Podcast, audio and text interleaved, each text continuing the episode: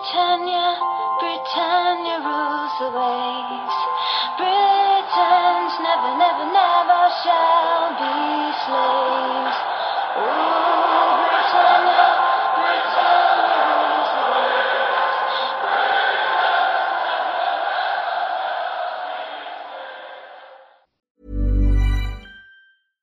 Sandra, and I'm just the professional your small business was looking for. But you didn't hire me because you didn't use LinkedIn jobs. LinkedIn has professionals you can't find anywhere else, including those who aren't actively looking for a new job but might be open to the perfect role, like me.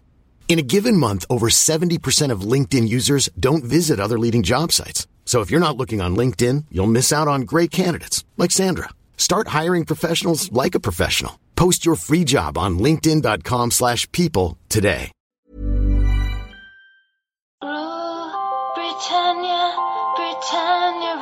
Rules the waves. Britons never, never, never shall be slaves. Rule Britannia, Britannia.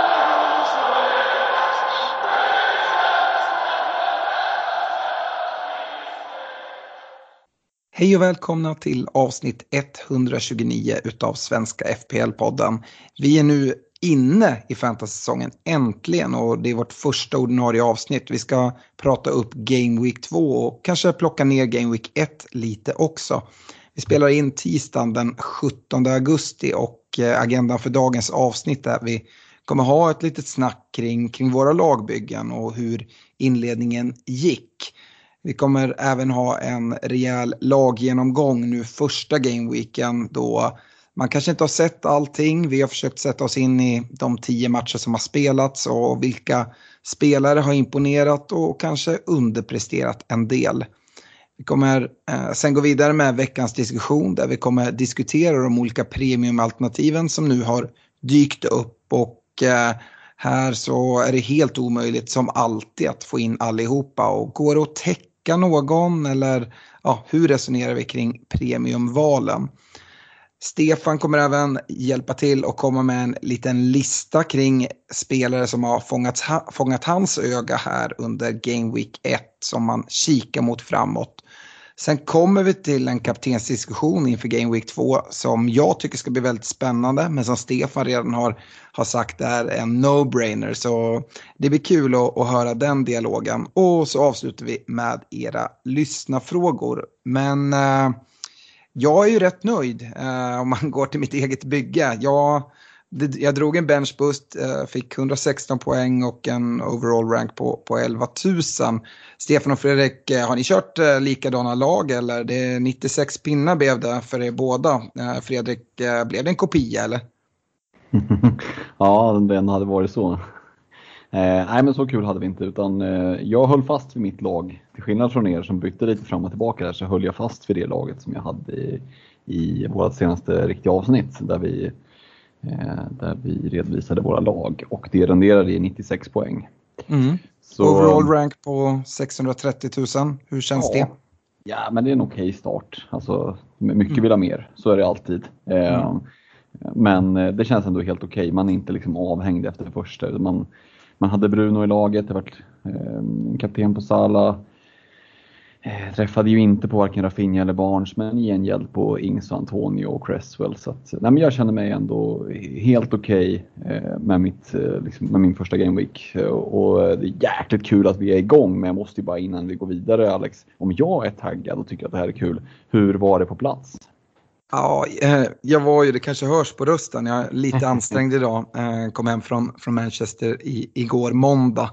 Eh, det var ju, jag har ju varit i Manchester ett, ett par gånger, men det här var något alldeles extra. Eh, Dels alltså stämningen på, på och runt Old Trafford, både innan, under och efter match är någonting som, som jag i alla fall aldrig har upplevt. Och på ett sätt kan jag tycka att det är ganska skönt, för tidigare när folk har frågat mig har jag alltid sagt att ja, men den absolut bästa stämningen jag har varit med om på en fotbollsarena har varit på Anfield när jag var och såg Liverpool West Ham. Förvisso fick Liverpool stryk med 3-0 då, men eh, det har känts lite jobbigt. Så nu kan jag stryka det för att det här var och det har jag hört från flera andra som har sagt också att det var något helt, helt galet. Och det är väl flera saker som, som inverkar till det. det. Det har inte varit publik på plats i ett och ett halvt år.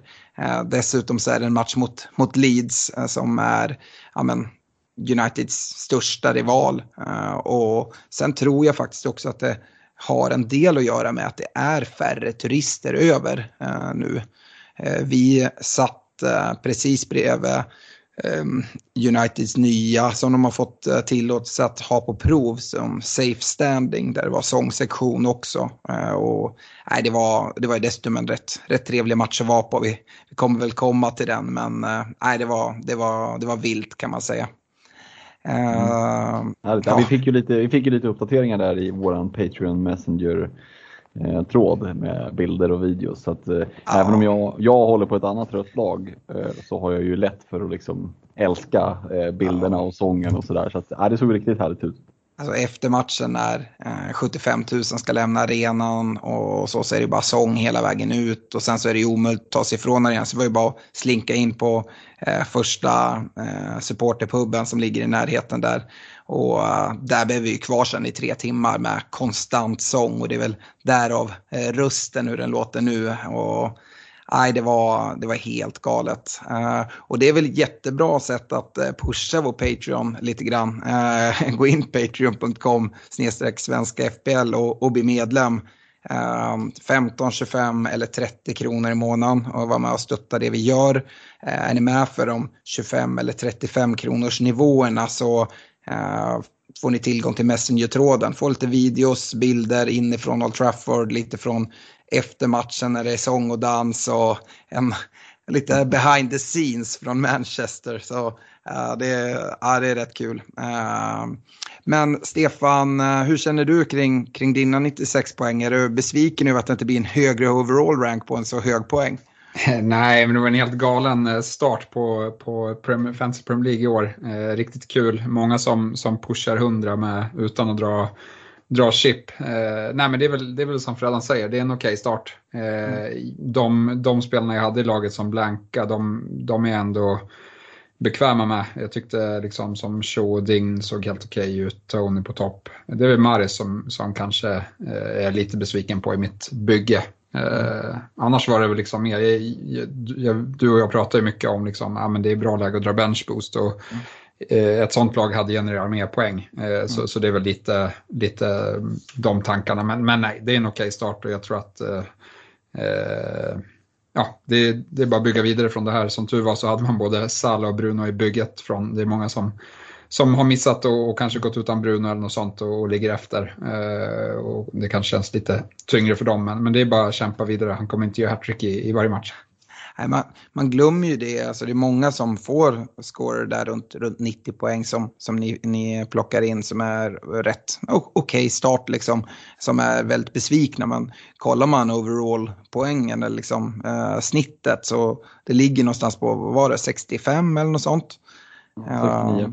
Ja, så att uh, ja, jag tycker inte man ska gräva ner sig allt för mycket. Om man är inne på Twitter, det, då ser man alltid de som har fått sådana helt uh, störda starter och sånt. Så att uh, nej, det, är, det är ett, lång, ett långt race, så kämpa på där bara.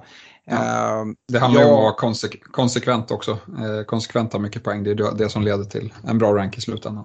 Ja, verkligen. Om du kan snitta 96 poäng per, per game week, Stefan, så kommer det nog leda rätt så långt skulle jag tro. Ja. Eh, och eh, för egen del så, så val, var det ju ett val mellan benchboost eller att uh, köra ett vanligt lag och det var verkligen 50-50 för mig. jag har bara räknat lite snabbt på det. och mitt icke-benchboost-lag hade landat på 102 poäng så det hade också varit en riktigt fin start och dessutom en hel del pengar på, kvar på banken. Nu har jag 0,5 på banken vilket i och för sig är skönt men Uh, det hade blivit bra vilket som och det, det är kul då man var rätt på det. Uh, och till 99% säkerhet så kommer jag spara mitt byte. Det är något vi kanske rekommenderar till de flesta att göra och verkligen lita på det. Man har lagt ner hur mycket tid som helst på att ta ut sitt, sitt lag här till Game Week 1. Att inte bara få lite panik här för att någon spelare ser lite bättre ut än, än någon annan som man har. Uh, så är det väl. Uh, om jag skulle liksom pistol mot huvud och tvingas göra ett byte ja, men det är eventuellt Harvey Barnes som jag skulle liksom kunna göra till en Greenwood eller någonting sånt där. Men eh, Fredrik, hur ser det ut för dig? Jag antar att du ska spara ett byte, men om du hade varit helt tvungen att göra ett byte, är det någon, vem ligger liksom eh, mest illa till i ditt bygge? Nej, men här har vi ju lite breaking news. Det är ju liksom att rådet är ju att sätter på händerna, gör inga byten och det jag själv har gjort är ju att redan ha tryckt av just ett byte och, och tömt banken. Eh, och det finns liksom en logisk förklaring till varför jag har gjort precis det bytet du nämnde. Jag har, eh, jag har inte bytt ut Harvey Barnes, jag har bytt in Mason Greenwood. Eh, jag har sett en, liksom, det kommer säkert komma en del lyssnarfrågor, många går i tankarna och funderar, ah, borde, jag, borde jag ta ut den här spelaren för att den blankar? Nej, absolut inte. Det är jättemånga spelare som, som fick en och två och kanske till och med tre poäng i första gameweeken som mycket väl kan liksom, eh, göra det riktigt bra i Game Week 2. Men för min del handlar det om att jag vågar inte gå utan Mason Greenwood så som han såg ut i Game Week 1.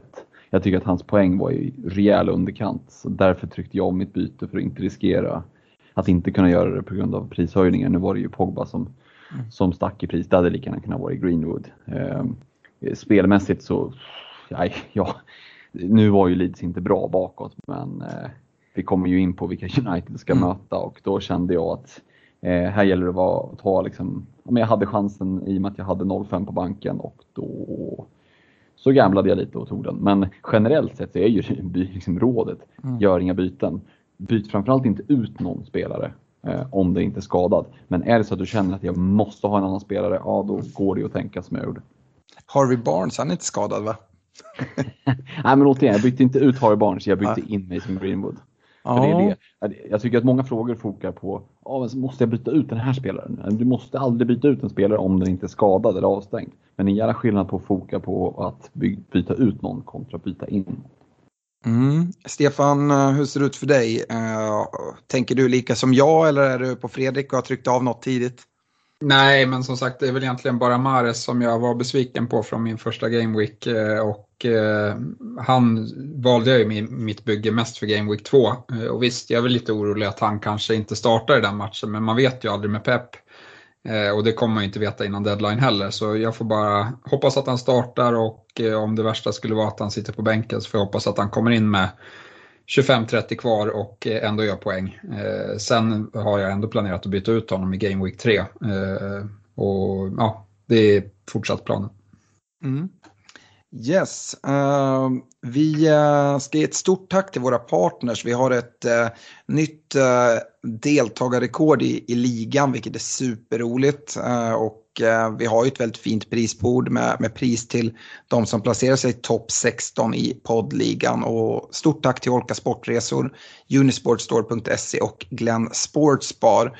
Eh, vi ska även rikta ett stort tack till Agente, eller gamla Nent Group eh, och Viasat som, som har bytt namn.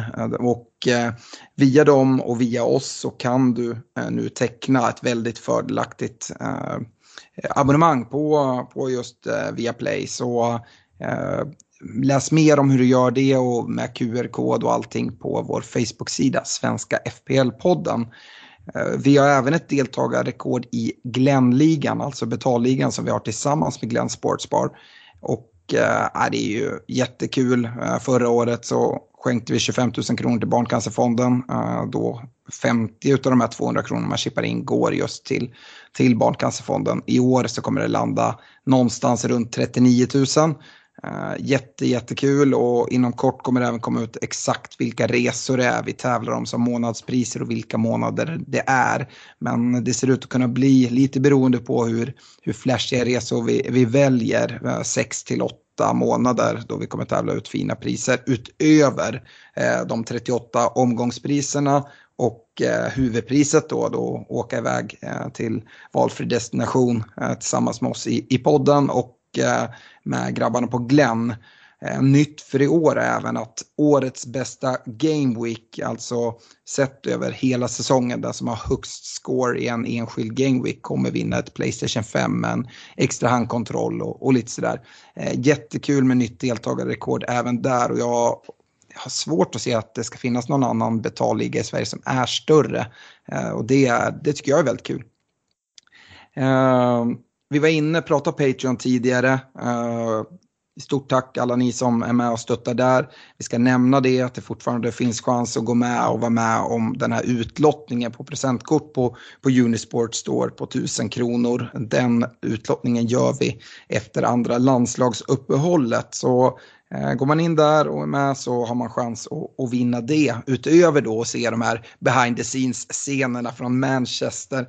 Vi har även en eh, separat eh, Patreon-liga som man kan följa hur det går för övriga Patreons och den här Messenger-tråden som det är gött snack i och eh, man kan ställa lite frågor till oss under, under veckorna och även till de andra initiera eh, de, eh, Patreons som eh, också är med och, och bidrar i, i de här diskussionerna. Vi, eh, vi ska också nämna det som vi har gjort i de här inför avsnitten. Att eh, vi har tillsammans med Glenn eh, kikat på en helg den 16 oktober att vi ska ha ett FBL-event i Göteborg på en av deras sportbarer. Mer info kommer komma men se till att hålla den helgen om ni är sugna på att träffa andra eh, FBL-lirare och snacka skit och dricka öl och kolla fotboll och bara ha det allmänt gött. Det kommer vara en del quiz, fina priser men även fina priser i baren. Så eh, det kommer bli grymt. Eh, med det ska vi, ska vi säga något, vi ska hoppa in i en laggenomgång och vi, vi velar lite kring det här men nu är första gameweeken, vi, vi kör igenom de eh, matcherna och alla lagen lite kortfattat.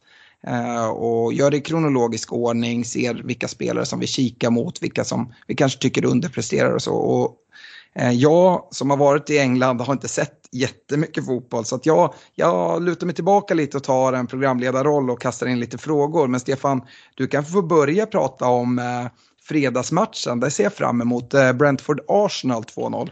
Ja, fantastiskt att sitta på pub och se den matchen. Eh, nej, men eh, vi ska prata fantasy och eh, vi börjar med Brentford. Jag tycker, eh, Eh, ja, men jag tycker inte man vet eh, jättemycket om dem än. Eh, det, man, det jag tyckte de gjorde bra som lag var att de liksom satte en hög och aggressiv press. Eh, sen eh, de målen de gör, det är ju liksom eh, efter försvarstabbar från från Arsenals sida och eh, liksom ett långt inkast som eh, också var liksom så här tveksamt eh, agerande från, från Arsenal-försvaret och eh, även liksom, ja men Leno blir lite obstruerad där. Men, men det, det, jag tycker inte att liksom Brentford har visat speciellt mycket utav deras offensiv utan det var mer att Arsenal släppte in billiga mål i den här matchen. Däremot så tycker jag väl att man, kan, eh, man fick se att eh, Raja i kassen eh, såg stabil ut. Testades framförallt en gång under matchen skarpt och gör en bra räddning men annars så liksom, skulle det kunna vara en 4,5 målvakt och, och Eh, kika på. Eh, jag hade väl avvaktat med Pinot och Canjos som, som kommer iväg med 11 pinnar eh, och liksom sett lite fler matcher. Just det jag är inne på att jag är inte säker på hur eh, Brentford kommer anfalla. Eh, I den här matchen så blev de ju rätt tillbakatryckta, kontra en del, eh, hade väl 35% av bollen. Kommer det se ut så i alla deras matcher eller kommer de spelar på, ett annorlunda sätt när de möter eh, liksom lite eh, ja, lag som, som inte är lika spelförande som, som Arsenal. Eh, men sen kan man väl prata om, om deras forwards i Tony och som många har, men även Mbueno som spelar tillsammans med honom eh, för, för dagen. Och ja, vi får väl se om det kommer vara så framöver. Det man kan säga är att Mbueno är ju mer livlig och, och kommer till mer lägen, men, men jag, hade, jag är inte jätteorolig för Tony än så länge. Jag tyckte att det han gjorde eh, i matchen, han var framförallt väldigt jobbig för, för eh, eh ja, men Arsenals backar och White i, i synnerhet eh, vann de flesta duellerna. Eh, den här, man, man kollar man statsen, liksom, han hade inga avslut och, och så. Ja, har de lite mer boll och han kan, jag, jag, tror att han kommer vara en jobbig forward och sen får vi se. Kommer han alltid spela liksom mycket lägre än Mbueno, ja, men då kanske det är en varningsflagga. Men jag hade gett han mer förtroende om man nu har valt honom här eh, inledningsvis. Eh, Arsenal då, det, det, finns inte så jättemycket att säga, men, men jag tycker att Tierney och eh, Emil Smith Rowe eh, ändå kan, liksom, trots det här bottennappet, visa sig vara alternativ längre fram när, eh, efter, efter matcherna mot Chelsea och Eh, City. Eh, dock så läste jag nu att eh, Ödegaard skulle kunna presenteras idag och det är negativt för Smith Rowe i sånt fall skulle jag säga i fantasy-synpunkt. Ja, gällande Emil Smith Rhodes var ju det en spelare som, som var lite halvt inne i mitt, uh, mitt fantasybygge. Men valet fullt till slut på Mbuemo i alla fall. Jag känner mig ganska nöjd med det nu kopplat till uh, den här osäkerheten kring Emil Smith Rowe som, som ändå gör en bra match. Men ja, det är den här speltiden om det kommer nyförvärv och, och vad händer liksom. Eh, uh, Mbuemo sitter ganska fint med det här. Hans plats känns ohotad uh, och står som mittfältare i fantasy men, men spelar som spets. Så att, uh, annars tycker jag det intressanta är Arsenal-försvaret. För att White har ju varit ett väldigt populärt 4,5 alternativ för många. Jag tycker inte att man flyr därifrån men Kanske kan det till och med vara så att om man kollar på 4,5 alternativet att Chambers är ett bättre alternativ om han kommer få, få ha den där platsen där ute. För jag tror inte White kommer kunna bidra med, med jättemycket offensivt kanske. Och kanske att Chambers kan chippa in med någonting mer där. Men precis som du är inne på så Tierney tycker jag lockar. Eh, och ja, de här två matcherna som, som kommer nu så är det inte läge att ta in honom men han är definitivt på min watchlist. Jag tar även in i den beräkningen att Arsenal inte kommer spela något i Europa och Europamatchen har inte dragit igång än men de kommer komma. Eh, och en Tierney från Game Week 4, ja, men han är definitivt på min watchlist. Eh, Stefan, eh, en annan match som jag ser, ser, fram emot att vi ska ha i den här genomgången det är ju tidiga lördagsmatchen som, som jag var på plats på, eh, United Leeds och här blir det ju väldigt mycket mål, 5-1. Ja, precis. Eh, United eh, är väl liksom eh, i sitt kliniska jag, men, men samtidigt så Ja, men Leeds saknar ju Calvin Phillips enormt skulle jag säga på defensivt mittfält. Koch gör väl ingen ingen beundransvärd insats direkt. Eh, vi har ju pratat en hel del Bruno inför säsong och, och min take var väl att jag, eller jag har ju sagt att jag ska ha honom hela tiden och har väl liksom, hade väl en förhoppning på att eh, det här, hans svagare form eh, i slutet av förra säsongen var på grund av att eh, han var sliten. Och eh, det verkar ju verkligen vara så. Eh, nu såg vi att han tog sig in, han var väl ännu liksom den mest eh, offensiva spelaren till, eh, tillsammans med, med Greenwood och gör ju alla sina eh, mål inne, inne i boxen. Eh, och liksom de löpningarna tillsammans med, med Pogbas passningar blir ju, kan ju bli livsfarligt här under säsong. Och, eh, ja, vi har ju pratat mycket om Brune, att ja, men han, han är bra, han tar mycket straffar och, och fasta situationer. Men nu går han och drämmer in tre spelmål. så att eh, ja, jag hade ju varit eh, rädd om jag inte satt eh, med honom i laget och kikat på eh, vägar att få in honom. Mm. Eh, sen eh, liksom, tycker jag även att man, Pogba kommer iväg med, från den här matchen med, med kanske för mycket poäng. Eh, men eh, hans, hans insats eh, är ju riktigt bra om man kollar.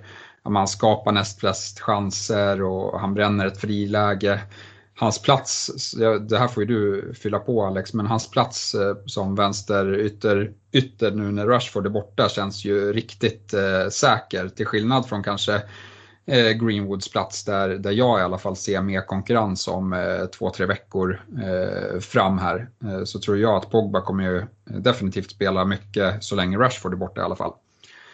Eh, men på tal om Greenwood så tycker jag väl att han också ser väldigt fin ut. och eh, det är han som spelar fram Pogba till, till det här friläget.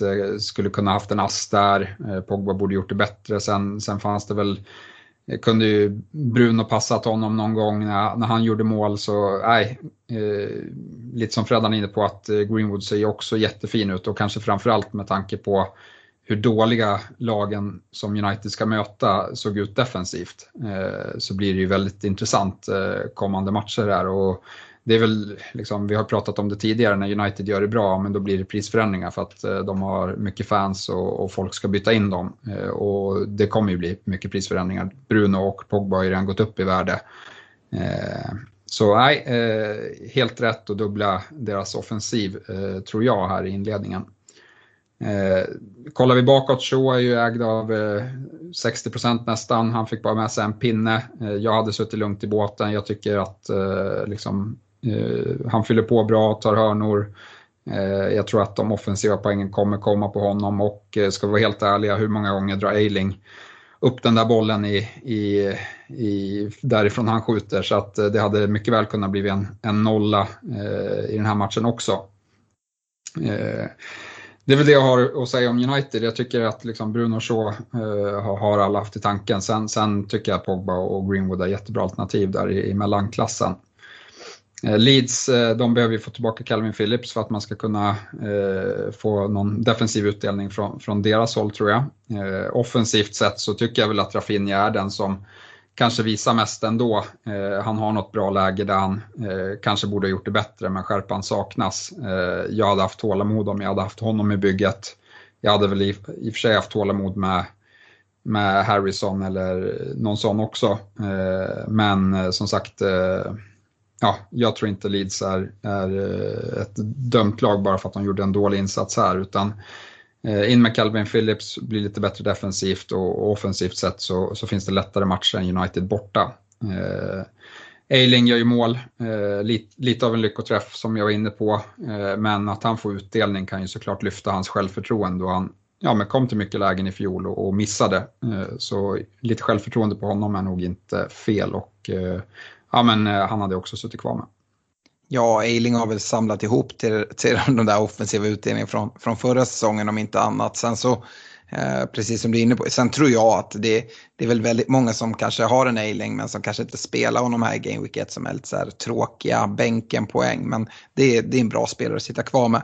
Värt att lägga till det att det målet som är helt sinnessjukt, det missade vi. För då var vi och köpte öl så att det var långa köer så vi hade inte hunnit ut på läktaren än. Uh, så ailing-målet, vi, vi kom ut där och Uh, var det ett jävla liv på Leeds-fansen. vem är det som har gjort mål? Och det var så mycket folk där så att man fick inte liksom livescore att funka och sådär. Så vi såg det i efterhand, så bara, jävla vilken kasse. Uh, sen är det alltid svårt när man har varit på plats och, och säga någonting om, om matchen. Uh, man är liksom lite inne i det på ett annat sätt. Eh, men jag tycker att du summerar det ganska bra kan väl skjuta in där gällande eh, Pogba eftersom att han och Greenwood ja, men, i alla fall kostade lika mycket och jag tror väl kanske att Greenwood eh, också mycket väl kan gå upp i pris innan Game Week 2.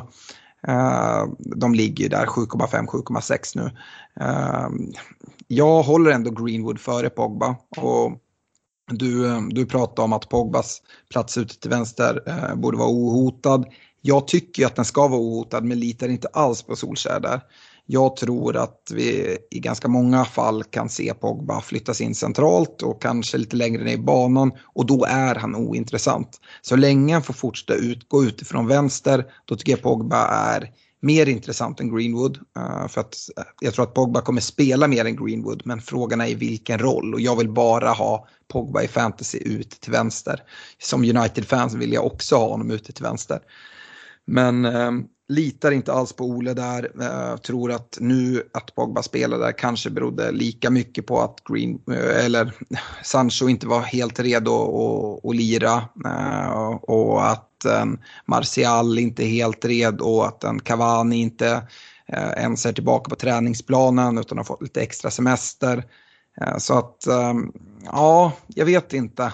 Eh, och att eh, Cavani då är fortfarande frånvarande från träning. Eh, det gör ju bara caset ännu starkare för en, för en Mason Greenwood.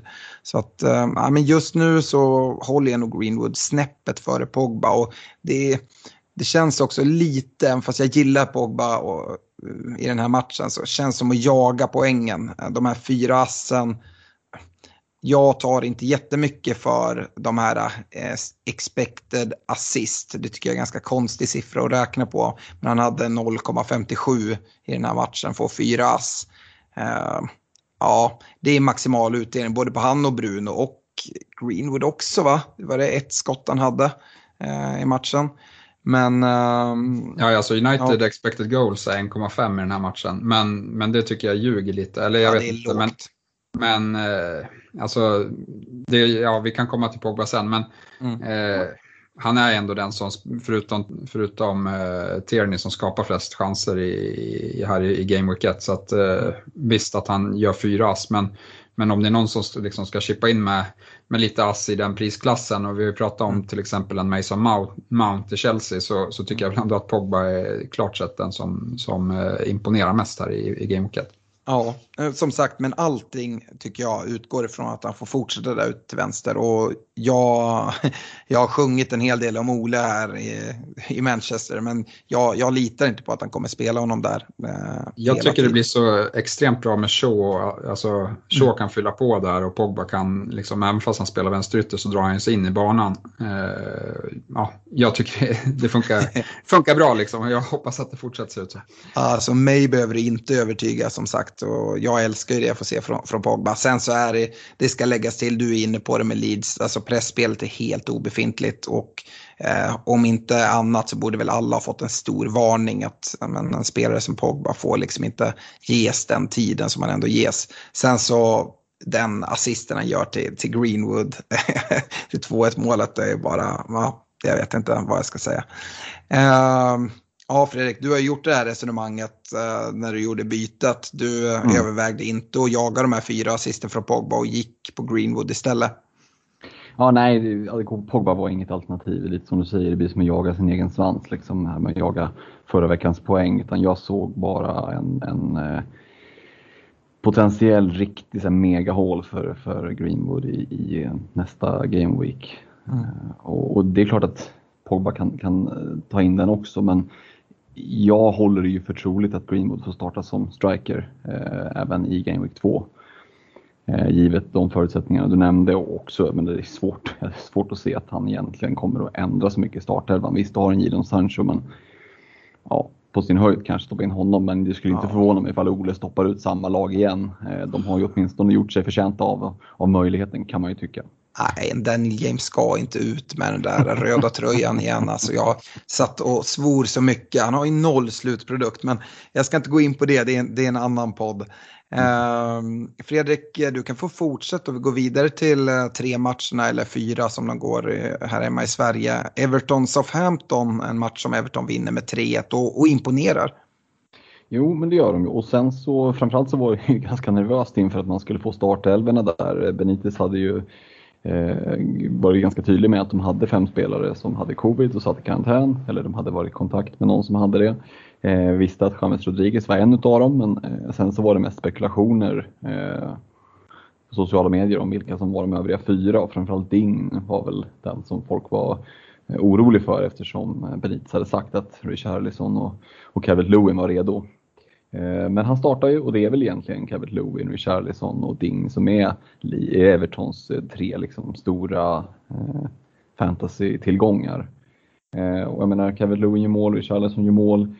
Ding gör ingenting, han blankar, men jag tycker ändå att man kan se potential i att så som Benitez vill spela med sitt lag, det kommer att trilla in assist från Lucas Digne. Jag är helt övertygad om det eh, ser 3-1 målet man gör, då är det ju Richarlison som slår in där inlägget och Calvert Lewin får liksom på bästa Henrik Larsson manér nicka in den. Den kunde lika gärna kommit från andra kanten och så hade det varit eh, Din som hade, som hade slagit den. Så att, eh, eh sitter man på Lukas Din tycker man sitter lugnt i båten. Det är bra matcher som kommer upp och jag tror att det kan traila in en hel del poäng eh, framöver. Och spelschemat ser ganska trevligt ut. Det är Leeds och Brighton, det är Burnley, Villa och Norwich de fem kommande. Eh, så mm, jag, tror, jag tror ändå på att det ser ganska hoppfullt ut för, för um, Everton. Även om det började dåligt, går vi över kollar Southampton så, så var det ju nyförvärvet Armstrong som, som fick göra liksom första kassen efter något, jag vet inte vad han höll på med Michael Keane, han stod och tänkte på annat. Eh, och det var ett snyggt mål. Eh, en striker som spelar för 6,0. Eh, jag ska inte avfärda Armstrong direkt. Eh, om det är så att Tony fortsätter att blanka eh, match ut match in, då kommer ju de ganska många miljoner människor som har valt att gå på honom och behöva lämna och då kommer han att sjunka i pris. Har man då inga stålar att ta sig därifrån, ja, men då skulle Armstrong kunna vara ett av alternativen som man kan kika mot. Eh, annars tycker jag att Southampton mest ur ett fantasyperspektiv är det mest intressant att prata om lite som Newcastle var förra året som det känns just nu. Alltså vilka är det som ska möta dem? den backlinjen de ställde upp, alltså den är ju sönderköpt av Leicester. Eh, så det, det, som fanns som var någon form av kvalitet, det är ju borta sedan länge nu. Alltså, det, det, är inga jättevassa namn i Perrault, Salisu, Jack Stevens och Livramento. Eh, ja, om Calvert Lewin och Richarlison hade lekstuga då vill jag inte ens tänka på vad en Bruno Fernandes och eh, Mason Greenwood och Pogba och kompani eh, kommer att kunna ha i, i eh, Game Week 2. Vi ska väl nämna det, Livramento som startade som ytterback är ju, kostar bara 4,0. Det var inte så jättemånga som hade pinpointat att han skulle få spela. Vi får väl se. Jag antar att Kyle Walker Peters när han är fully fit kommer att ta tillbaka den där platsen men än så länge en, en av alla 4,0 startande. Vi var inne på i vårt backavsnitt att det inte skulle vara en enda och så visade det sig att det var typ fem eller sex stycken som kostar 4,0 som, som startade. Mm. Men ja, jag vet inte, vad säger ni? Southampton? Ja, jag har inte jättemycket att säga om Southampton. Däremot Everton tycker jag det finns mycket att säga om. Uh, oron vi hade lite grann kring Ding handlar ju om fasta situationer. Men han tog rätt mycket fasta situationer har jag, har jag sett. Och uh, sen så mitt största intresse är fort, fortsatt för Calvert Lewin på topp. Jag tycker att det kanske är den mest intressanta 8,0 forwarden som finns där. Och det finns det ändå konkurrens i Bamford och Ings och, och sådär. Men eh, nej, inläggen kommer komma. Du sa det, eh, Richarlison slog in den därifrån. Det kommer komma från Ding, det gjorde det också. Och vem är det som ska nicka in alla de där? Ja men det är Calvert Lewin och han är väldigt bra på det. Eh, han har fem skott i boxen eh, i den här matchen. Och, äh, jag tror att äh, Benitez kommer bygga upp allting kring att äh, Calvert Lewin ska, ska göra massa mål. Äh, och det, det, kan han mycket väl göra med det här sp fina spelschemat i början också. Om det inte vore för att jag är ganska nöjd med mina två 7,5 anfallare i, i Wilson och Antonio som vi kommer komma till lite senare så hade det lockats väldigt mycket att kliva upp på, på en Calvert Lewin med det, de 0,5 jag har på banken. Ehm, det var den där skadekänningen inför Game Week 1 som gjorde att det aldrig riktigt var nära att jag ändå började med honom även fast vi fick klara besked att han skulle starta. Men uh, han är också väldigt högt upp på min watchlist. Jag, jag tycker ehm. man ska flagga in att Ducoré, eh, jag vet att vi pratade om, mm. om honom i fjol när han gick, gick till Everton, men under Ancelotti fick han lite för defensiv roll. Eh, nu har ju Benitez varit ute, eller han själv har varit ute och sagt att han får mer fridom, eller frihet att fylla på in i boxen och eh, han är stor och stark och i Watford så var han jobbig att tas med, lite som ja, men en Yahya Touré eh, kommer in där och fyller på i, i boxen och mycket inlägg så tror jag att 5-5 eh, för honom kan vara, visa sig vara riktigt eh, fynd eh, faktiskt. Mm, ja absolut, det, det kan det mycket väl vara. Fint, fint mål han gör där med, med vändningen ja. och så. Det kanske han inte gör om så många gånger, men, men jag tänker mer om han, om han får tillåtelse att fylla på och liksom att det kommer mycket inlägg mot han och mm. eh, Calvert Lewin. Ja, nej, det, det, såg vi inte, om, om inte annat tidigare i Watford, att han var bra på att fylla på in i box och så. Um, Fredrik, du får gärna ta oss vidare med, med Leicester Wolves, en match som Leicester vinner med, med 1-0, men siffrorna ljuger lite, eller? Ja, jag ska ta er in och jag ska ta er förbi. Det är lite som att åka förbi ett sånt där samhälle som man, man hinner knappt reagera när man har åkt in i det. Så har man Örebro? Ja, inte riktigt där. Jag tänkte på, någon, på någon annan håla, typ Västerås kanske. Nej, jag vet inte. Eh, nej, men skämt åsido. Eh, för Leicesters del så är det väl Amartey som var runt störst intresse. Att en 4,0 som startade. Eh, gjorde ju bort sig rejält igen eh, och såg ju till att Adama Traoré kunde få fritt läge som han ju i och för sig brände. Men eh, Westergaard fick ju till och med göra ett inhopp nu och jag är, känner mig rätt övertygad om att Amarteys eh, start han startade den här säsongen kommer att vara ganska lätträknade om, eh, om övriga backlinjen får, får hålla ihop. Jag tror han kommer få finna sig och vara i bästa fall ett fjärde val på, på mittbacken. Eh, så har man köpt in sig där Får han starta Game Week 2? Ah, jag är tveksam. Alltså, jag tror ju att han blir förpassad till bänken. Eh, och det kanske är lugnt om man sitter med honom. Man känner att ah, jag har honom på bänken fram till, fram till första wildcardet och då, då är det ju ingen panik. Eh, men att räkna med att han får spela, det tror jag är lite väl optimistiskt. Eh, kan jag nämna det också att Ianacho och Daka båda fick börja bänk. Eh, Vardy gjorde mål som vanligt, eh, det är inte så mycket att säga om. Men eh, för de som hade köpt in sig på någon av, av 7,5 anfallarna där så var väl det ja, ett litet snedsteg för att eh, visserligen fick Ianacho ett lite kortare inhopp men eh, det känns inte som att någon av dem är, är liksom, så här, jättenära att faktiskt starta i, i eh, Game Week 2. Får vi se om Madisons skada kanske kan göra att, uh, att det blir en formationsändring. Men det får mm, vi se. Precis, det skulle kunna vara det. Vi får se hur, hur länge han är borta. Både han och, och Barnes blankar ju. De hade väl lite små chanser var sådär, men, men det var ju en ganska trött match. Sådär. Liksom, extended highlights var väl ungefär lika långt som en sån här vanligt highlights-svep är från en match. Det säger väl eh, kanske det, det mesta. Eh, vi ska väl nämna Wolves också. Ja, rent fantasymässigt är det inte jättemycket att nämna. Vi ska nämna en 4,0 försvarare som startar i Kiana Hoover. Eh, men återigen, Semedo på bänken. Jag tror ju att eh, Semedo kommer att ta den där platsen eh, de allra flesta av matcherna den här säsongen. Eh, Traoré som jag nämnde, ja, alltså han springer ju som Usain Bolt men tyvärr avslutar han väl ungefär på samma sätt eh, vad det gäller liksom skott och sådär. För att han har två riktigt, riktigt bra lägen. Ett riktigt friläge första och ett läge i andra som båda ska vara mål. Och, nej, jag vet inte, det, han, eh, han känns inte som att han håller när det, när det väl kommer till kritan när han liksom ska trycka dit bollarna. Eh, på sikt när Wolfs schema så vänder så är det nog ändå en Jiménez som jag kikar mot utifrån att det finns många anfallare. Eh, vi får se hur, vilka som kommer att hålla och vilka som håller sig hela kanske framförallt. Men eh, vi vet ju vad han kan göra om han når tillbaka till, till de höjderna han hade innan den här otäcka skadan. Mm. Eh, Just den, jag har inte sett så mycket från den här matchen, jag har sett Vardis mycket fina avslut. Eh, men eh, Traoré är annars någon som verkligen sticker ut i, i statistiken med sex attempts, fyra skott in i boxen och den största underpresteraren i sitt expected goals på 0,81. Men det kanske har mycket att göra med, med det här friläget. Men just med skotten in i boxen och sånt också. Det var det som liksom fångade mitt öga från, från den här matchen eh, statistiskt sett. Eh, det du är inne på gällande Leicester och Amartey, Ehm, 4,0 försvarare. Jag har ju gått den vägen, eh, fick det jag ville i min benchboost med, med, med de här sex poängen. Um, men det kan bli problem precis som du är inne på. Jag har ju även eh, uh, Semikas eh, på 4,0 och vi, vi, förväntar oss att en Robertson ska komma tillbaka ganska så snart.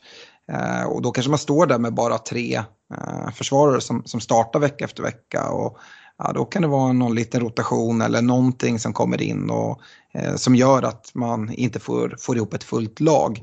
Eh, så det är någonting som man kanske ska flagga upp för. Det är inget jätteproblem att fly från, från Amartey eller en Semikas eller sådär. Eh, men om man har båda dem då kanske man behöver tänka till lite grann. Uh, annars så nämnde jag det i, i uh, när jag pratade lite om mitt lag och det är, det är Harvey Barnes som är den spelare som jag eventuellt funderar och går ifrån. Eh, men det är en match ska man komma ihåg. Jag tycker inte att man ska liksom, lägga för mycket på det. Jag tog innan för att det är en formspelare men det var även en sån spelare som jag vill kunna fly från fort. Men jag vill ha två byten innan jag gör det och även två game weeks och fatta beslutet på eh, åt vilket håll jag ska gå. För det finns ganska många alternativ där.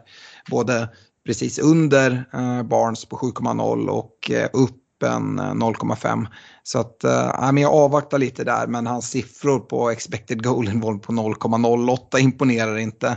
Och sen framförallt kanske där att Leicester bytte till 3-5-2 mot slutet av matchen. Där ser jag inte riktigt hans roll och äh, jag tror att äh, det kanske kommer vara fler matcher de, de skiftar system när de Eh, känner att de behöver göra någon förändring i, matchbild och sådär.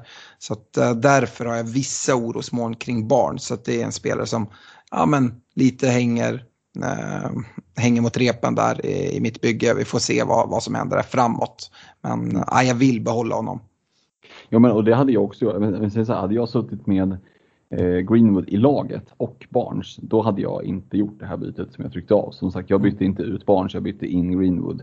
Eh, sitter du på liksom båda två eller om du inte delar min liksom, syn på att Greenwood kommer att, eller det finns, han har stora chanser att flyga nästa Gameweek, då sitter man ju lugnt i båten. Liksom. Det är ju inte, absolut ingen panik utan eh, han skulle mycket väl kunna göra, göra mål nästa match. Men det, ja.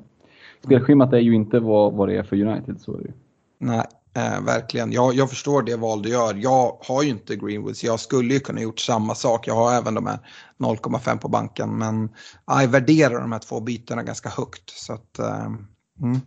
Vi får se vad, vad som blir rätt. Pereira med finas, eh, fått en hel försäsong. Eh, vi vet vad han gjorde när han var hel. Eh, någon att hålla koll på tycker jag. Mm, absolut, bra inspel. Eh, Stefan, går vi vidare så kommer vi till Burnley-Brighton. En match som, som Brighton vinner med, med 2-1 trots att vi har en, en, en spräckt nolla ganska tidigt på en, en Sanchez. Ja, precis. Jag tycker båda de här lagen har lite mer att bevisa innan, innan mitt intresse väcks. Eh, I alla fall för, för utespelarna. Då. Eh, ska vi prata Burnley så, eh, ja, vad ska man säga, Tarkovskis buffliga stil på hörnor kanske gynnas av, av den här nya VAR-bedömningen där man inte eh, går in i, i varje situation och, och rättar. Eh, jag har svårt att förstå varför det målet eh, godkänns, eh, men, men det gör det eh, och det kanske kan se ut så lite oftare. Eh, det är väl det jag har att säga om, om, om Burnley, eh, inte så mycket intresse där i Brighton, jag tycker Brighton gör det lite bättre, man hamnar i underläge men, men vänder på det i andra halvlek. Eh, Mopay gör det helt okej, okay. eh, Gross hotar med, med sina fasta men, men jag är inte såld på någon av dem. Eh, vi får se om han som hoppar in, Moder, eh, för 4,5 kan eh, han gör ett piggt inhopp och, och assar eh, ett av målen. Får se om han kan etablera sig i startelvan, då skulle han kunna bli ett eh, budgetalternativ. Sen kan vi väl nämna om Weltman eh, som missar matchen, eh, men det ska ha varit på grund av att han har varit i kontakt med någon som har haft corona eh, och eh, därav behöver eh, ja, men, eh, visat eh, på test att han inte har corona själv. Eh, jag tror väl att han har goda chanser att vara tillbaka till, till nästa match och eh, då borde han väl gå rakt in i laget kan jag tänka.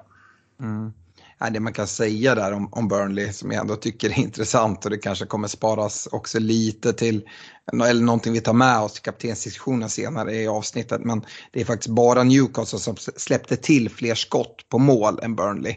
Och då möter man ändå Brighton spelandes hemma. Eh, de har en expected goals conceded på 2,28 och det, det är Liverpool på Anfield som väntar. Eh, så att eh, ja, Salah-binden finns ju ett case redan här. Eh, även fast det finns andra som kanske kan blanda sig i. Ehm, Stefan, eh, Chelsea Crystal Palace. Uh, Chelsea imponerar 3-0. Ja, men man får ju en smakstart med Alonsos fina frispark och sen så städar man av matchen enkelt genom ett stabilt försvarsspel. Dock så tycker jag väl att eh, deras svåra spelschema gör att eh, jag enbart kikar på hur, hur Chelsea ser ut här i inledningen innan eh, Game Week 7. Men det ska bli intressant att se. Vi har ju både Chaluba och Christensen för 5,0 som startar den här matchen. Dock ska man väl säga att Chelsea är ju ett, ett, ett av de lagen som har problem med kort försäsong och har många som kommer till, har kommit tillbaka sent. Eh, till exempel eh, Reece James, om han startar som wingback nästa match, då ska Aspilicueta in i den där trebackslinjen. Och, ja, jag, jag hade inte eh, jagat några poäng eller liksom, eh, här, utan, men, men det är ändå något att följa om de, om de är startspelare för 5,0 i, i Torshälls eh, defensiv, eh, då, då är det av intresse, eh, för de är riktigt tajta bakåt. Sen blir det såklart också hyperintressant att se vad Lukaku kan göra då Chelsea har en tradition av att ha ja, men en stark målfarlig anfallare på topp. Eh, vi har ju sett både Diego Costa och, och framförallt eh, Didier Drogba där tidigare. Eh, hur kommer det påverka spelet och övriga, eh, övriga eh, spelare i Chelsea? Jag är väl inne på att ja, men Lukaku kommer säkert göra det bra men jag tror att det kan ha en positiv effekt på Mason Mount eh, också som ja, men, bär ansvaret för hörnorna i den här matchen och tar även en del ja, men fasta situationer på plan och även en, en del direkta frisparkar. Så Eh, jag tror att han kanske får lite lättare en, en till gubbe att sikta på, eh, på, på dem eh, och kanske lite, någon fler, lite fler assist. Eh, Sen tycker jag inte att man, eller det är så, jag tycker inte man behöver här, stressa in i Chelsea. Eh, och deras eh, backlinje är inte spikad som den ställde upp idag utan Alonso kan tappa sin plats och, och eh, Reece James ska in i det där. Och, nej, eh, ge, det, ge det lite tid och, och se vad som händer. Sen Pallas, det är jättesvårt att analysera dem. Man gör ingen, ingen jätte, man hotar inte speciellt bra. Eh, Vira ska ju liksom försöka ställa om den här klubben till att ja, men bli ett offensivare lag och, eh, än vad de har varit tidigare och den, den omställningen kan nog ta eh, tid om den lyckas och, eller så kan det bli att eh, han blir den människan som sparkas först, det får vi se. Eh, men, men, som sagt, eh, de behöver visa mer här. Mm, ja, verkligen. Nej, där i Chelseas backlinje kan man väl säga det att den som hade högst intresse från mitt håll, det var ju en Ben Chilwell. Men det är inte så att jag blir mer sugen nu när Alonso gör det här fina frisparksmålet och, och får starta. Eh, Chilwell kommer ju få mycket spel till förstår jag också, men precis som du är inne på så jag tycker det är perfekt wait and see-läge. Låta liksom det gå ganska många gameweeks här sett till det jobbiga spelschemat innan det vänder och sen enligt plan då för, för min del att förhoppningsvis ha kvar ett wildcard i, eh, till Game Week 7 och då kliva in och kanske ha fått lite svar på de här Chelsea-frågorna och hur, hur Torshäll tänker och hur spelet kommer fungera med en, med en Lukaku. Jag tror väl precis som du att Mason Mount kanske är den som kan vara eh, och vinna mest på det här samtidigt som en Kai Havertz som man såg framför sig innan som ganska intressant kanske tappa lite men in, på, på inget sätt behöver vara helt ointressant. Um, vi har en sista match klockan fyra där på lördagen och det är Watford Villa och Villa har ju många haft intresse för men eh, Watford kniper den där matchen precis som väldigt många hemmalag gör den här uh, första gameweeken Fredrik. De gör ju det eh, och, och, Watford vinner men jag vill nog ändå faktiskt börja med Villa. Eh, fyra stycken ganska så ändå får man säga heta anfallsalternativ rent fantasymässigt gör ju att det här laget har varit högintressant kombinerat då med det här spelschemat de tre inledande matcherna. Eh, vi får se Buendia Ings från start, Bailey på bänk, Watkins skadade inte med alls. Eh, ja, men det går ju att raljera mycket över att det ser ganska rackigt ut för Villa i matchen. Eh, och spelmässigt så förväntar jag mig betydligt mer. Eh, att de förlorar med 3-2, alltså jag ska vara helt ärlig, det lägger jag inte in jättemycket värdering i för att jag är inte så intresserad av Villa bakåt. Om de släpper in tre eller släpper in två, alltså I don't give a fuck. Bara de gör mål framåt. Eh, och kan man säga, ja men Ings gjorde mål på straff i 97, ja de poängen räknas minst lika mycket som straffar i 65. Så det, jag känner ändå, jag tycker folk har varit överdrivet negativa och sagt nej det här kommer aldrig att gå och nu förlorar de. Och, Eh, nej, jag känner mig ändå rätt nöjd med de poängen som, som trillar in på en Danny Ings. Eh, för också bekräftat att han kliver in och liksom tar straffarna eh, och gör mål. Det ska bli intressant att se nästa straff när liksom, eh, ja, oavsett egentligen vem som är på plan. Jag tror att det är mycket möjligt att Ings fortsätter på dem faktiskt. Um, och i övrigt är Buendia, ja, kanske inte gör någon toppmatch så, eh, men är ju ändå intressant framöver här, för man ska veta det att Villa har tre bra matcher inledningsvis, sen har de ett jättejobbigt schema i fyra matcher, men sen lättar det upp lite igen. Eh, så att lagom där, eh, Game Week 8 någonstans, så, så kommer det ett ganska okej okay spelschema. Och du var inne på det Alex, där, ett, ett wildcard inför Game Week 7. Jag tar inte, som, jag tar inte för liksom garanterat att man kommer vilja gå utan Villa-spelare då, utan det kan mycket väl vara så att de det finns någon av de här fyra som, som, känns, eh, som känns riktigt het. Eh, jag skulle säga att de här två matcherna som kommer upp nu för Villa är ju också Newcastle och Brentford hemma båda två. Så jag tror ju att det finns eh, god chans till eh, fortsatta eh, offensiva poäng. Eh, Watford då, ja det är en imponerande seger. Eh, och Sen har man lite flax på något mål och sådär, men man gör det väl bra spelmässigt. Det är omöjligt att komma ifrån en Ismail Azar. Vi var ju inne och touchade på honom ett antal gånger under inför avsnitten och, och fortfarande bara 4,3% TSB. Det är väl för att det finns så mycket olika mittfältsalternativ, men han är ju en jättedifferential. Eh, så det är liksom kudos till alla er som har gått på honom. Ehm, och det kan nog vara en bra så här, escape route om någon eller ett par veckor när man känner att man har klivit rejält fel på, på någon mid-price mittfältare och behöver liksom få in lite extra pengar för att kanske uppdatera en, en Tony eller någon annan spelare. Ja, alltså jag, jag tyckte ju Buendia hade en ganska tuff match och hade ju väldigt mycket hellre haft en, en SAR för 0,5 mindre om jag hade suttit med Buendia. Det hade varit ett byte som faktiskt hade lockat mig trots eh, Villas fina matcher som kommer här. Jag tycker Watford har bra matcher också nämligen.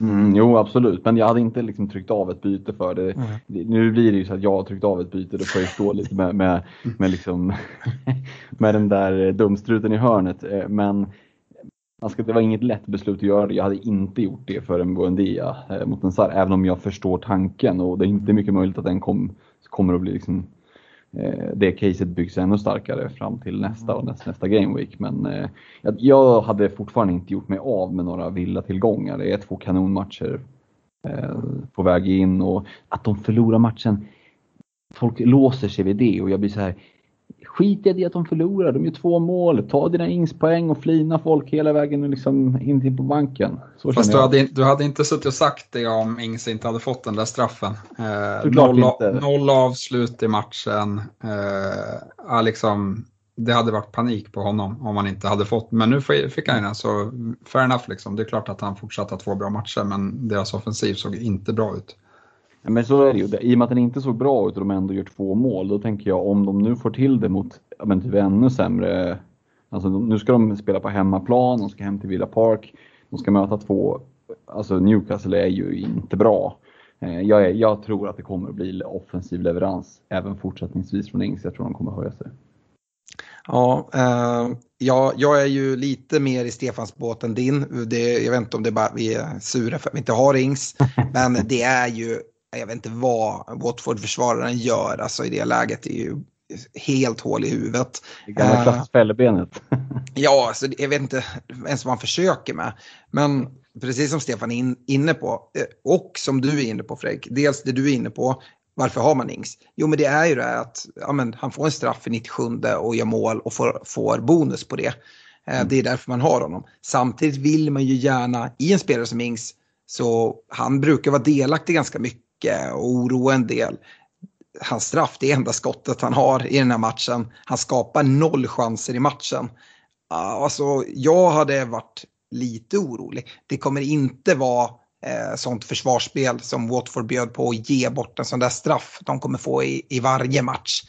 Uh, och som sagt då, om inte Ings skapar, vi ser en Buendia som har en tuff match också som jag var inne på. Uh, nu är Watkins då förhoppningsvis tillbaka till en Game Week 2. Uh, eh, men det är ju fortsatt mycket frågetecken kring Villa. De ska formera det här och uh, nu har vi bara pratat offensivt. Det är ju folk, Stefan, du var inne på att du ville täcka deras defensiv med en, en target till exempel som hade det riktigt tufft mot en SAR. Uh, eh, många som har gått på Martinez i kassen. det här var mot, mot ett Watford ändå som man kanske inte kommer tro kommer hamna på, på övre halvan. Så ja, jag tycker Villa fortsatt har ganska mycket frågetecken och hur mycket betyder det verkligen att den här talismanen i, i Graylish äh, försvann. Liksom, visst, det har värvats en del men man ska få ihop allting. Så att, ja, mycket frågetecken kvarstår för mig kring, kring Aston Villa ändå. Mm.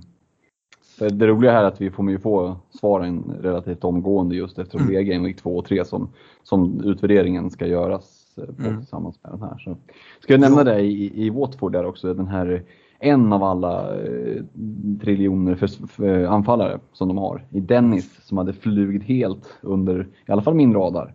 Eh, in, han kommer där från Klubbrygge och, och eh, ja, gör mål 5,0. Går visserligen ut skadad men det ska inte vara någon allvarligare vad jag har förstått. Så att, eh, Håll er borta. Jag vevar ja. stora varningsflaggan här. Ja, det är klart att man inte ska kliva in här. Men, men eh, han kan ju få kravla sig in längst ner på watchlisten. För det är klart att mm. om han gör en plats till, till sin eh, och spelar vecka ut vecka in så spelar, sitter jag ju hellre med eh, Dennis 5.0 än Obafemi som inte ens är med på bänken i Southampton. Nej, äh, absolut så är det. Uh, och det är väl som du säger också, där, även om jag höjer frågetecken kring Villa, så det som talar emot att plocka ut dem, det är ju de här två matcherna som kommer. Uh, men Ja, som sagt. Med ett, en tuff match till. Uh, ja, det, liksom, man byter knappast in Villa-spelare om man inte hade dem i Game Week 1, om, om jag säger så. Uh, Sar tycker man kan lägga till lite statistik på. Skapade fyra chanser, tio touches in the box. Uh, det imponerar. Kollar man bara en, ett highlights paket kanske man tycker att han har flyt då med, med målet och det har han väl kanske. Men eh, jag tycker han har oflyt och inte komma iväg med mer än en kasse faktiskt om man, om man kollar till allting eh, och väger samman det. Mm. Eh, Fredrik, eh, sen ska du få prata lite Liverpool, det vet jag att du gillar. Eh, vinst 3-0 borta mot Norwich. Mm. Och det var ju med ett, jag ska inte säga B-lag, för det är väl att ta i, men jag vet inte hur många som reflekterar över det, att 6 av 11 spelare i Liverpools startelva är väl inte liksom en del av den starkaste startelvan. Det är eh, lite eh, hårt kan jag tycka, men det beror lite på hur man räknar. Ja, men jag tänker att Konate för en halv miljard är ju inte värvad för att sitta på bänken. Då är Andy Robertson, då har ett helt mittfält med Thiago, Fabinho och Henderson som ska in och serva dem där framme lite bättre. Och sen är ju Firmino den spelare som har gjort flest minuter för Klopp sen Klopp kom till klubben. Jag hör vad du säger, men det är lite hårt att säga till B-laget när du spelar ja. med Jota och Matip. Ja, såklart. Eh, men det finns kanske en växel till att lägga i, ja. så kan vi väl säga. Eh, och nu rörde det väl inte någon av de hetaste fantasy-tillgångarna. Salah och, och, och, Trent eh, och Jota startade ju faktiskt alla tre och även eh, Tsimikas på vänsterbacken. Eh, och de gör det ju bra allihopa. Eh, Liverpool gör en bra, solid insats tycker jag. Jota får göra sin kasse trots att han bara spelar en timme. Eh, Salah var vi nog många som var tacksamma där att han eh, kom undan med en med så pass bra leverans när, när Bruno hade gjort det så pass bra innan. Eh, och gör ett fint mål, får göra några... Nej, Magisk speluppfattning där på första assen. det eh, eh, ska jag väl erkänna att det, kanske inte var helt meningen, men eh, ja. Fortfarande så är det ju en, en jätteleverans och har man gått in på, på Simikas så var det ju, ja men man, man visste ju att det var begränsad tid. Han, han lever ju lite på lånad tid och, och, nu plockar han sina poäng i första matchen. För den som har dubblat Liverpool bakåt, ja men då, då trillar det in bra med poäng. Eh, jag tycker att en Trent Alexander-Arnold ser väldigt fin ut. Jag hade varit riktigt orolig om jag hade gått utan honom. Eh, för att han hotar ändå offensivt, slår inlägg. Det är han som slår inlägget som Salah petar fram till, till Jota. Eh, skulle förvåna mig om det inte trillar in någonstans mellan 9 och 14 assist den här säsongen också. Eh, så att, eh, nej men, eh, ni som har köpt in er på Liverpool, ni har gjort helt rätt. Det är bara att sitta lugnt i båten och fundera på om och i så fall vem ni ska kaptena. Jag vet inte om ni har något mer att tillägga på Liverpool där. Det känns som att de, många har säkert sett matchen och, och um, ja, what you see it what you give, is what you get känner jag. Mm. Det som är där är väl, jag reagerar ganska mycket på att Semika stiger i pris. Alltså som du säger ser bra ut och tar hörnor vilket är härligt och ser offensivt fin ut. Däremot blir han väl extremt trött i matchen och eh, Robertson ryktas redan vara liksom på G tillbaka. Eh, visst, jag är jättenöjd med att jag hade honom i Game Week 1.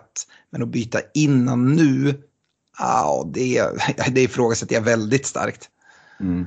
Jag skulle snarare säga att den här prisstegringen är ju, är ju eh, eh den är ju lite märklig utifrån liksom, den är, den är inte logisk för den som, som tänker långsiktigt för att man bör ha tänkt sig en väg ifrån eh, Tsimikas för så fort Robertson är tillbaka så lär han ju kliva tillbaka in i laget man hoppas ju på något sätt att han ska göra någon, få någon offensiv utdelning och hålla nolla här i Game Week 2. Och att det fortsatt är några galningar som byter in honom. Så man kan få en prisökning till och sen bara fly mm. därifrån på något sätt. Som jag känner då jag sitter med både Semikas och Amartey. Ja men precis, det, där är du säkert inte ensam. Det är säkert fler som har gått på båda dem för att kunna mm. liksom, lösgöra pengar till andra delar. Så att, mm. Det viktiga är väl att ha en plan liksom, och hålla koll på läget. Vad, vad är det som händer? Så. Mm.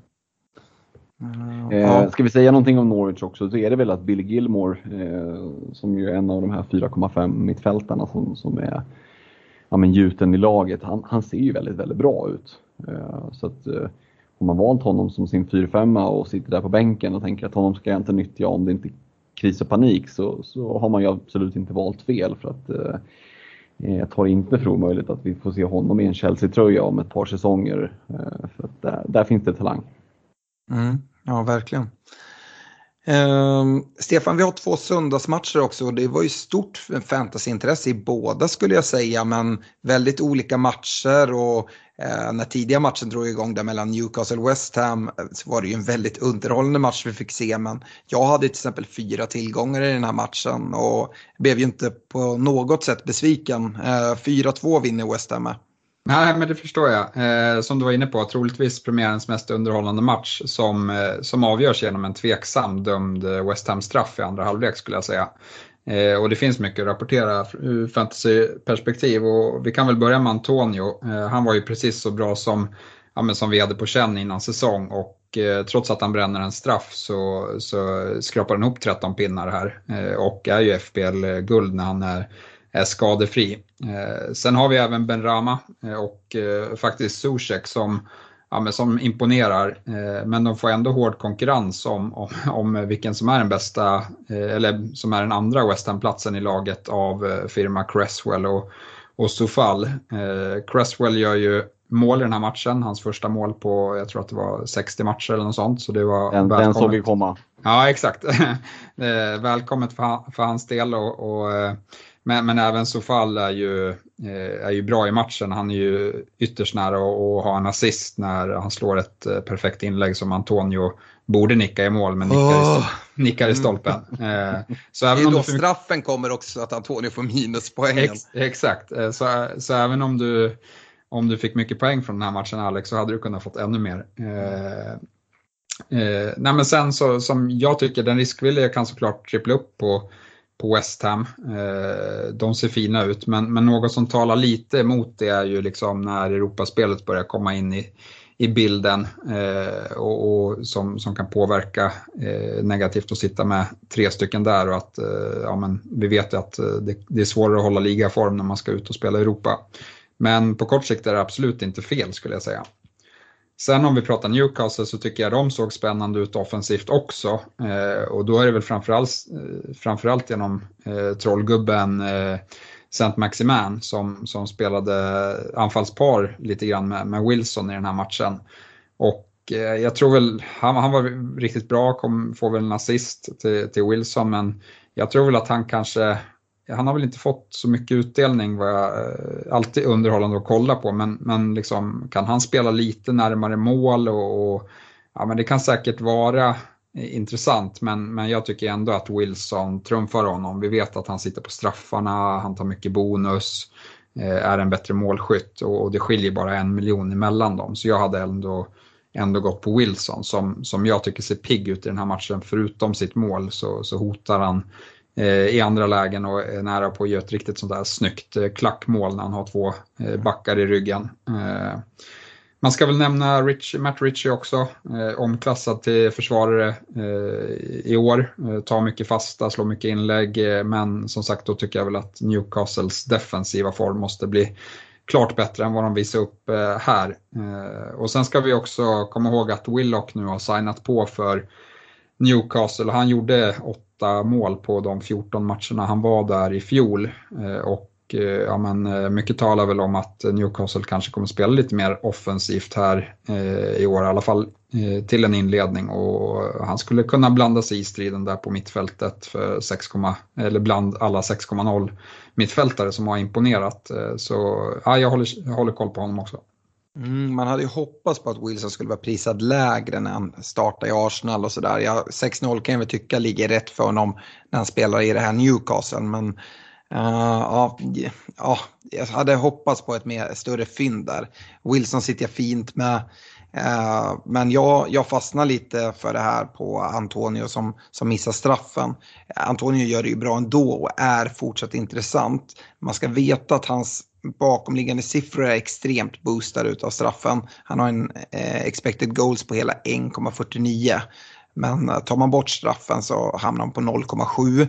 Eh, jag är inte helt säker på att Antonio fortsätter ta straffar.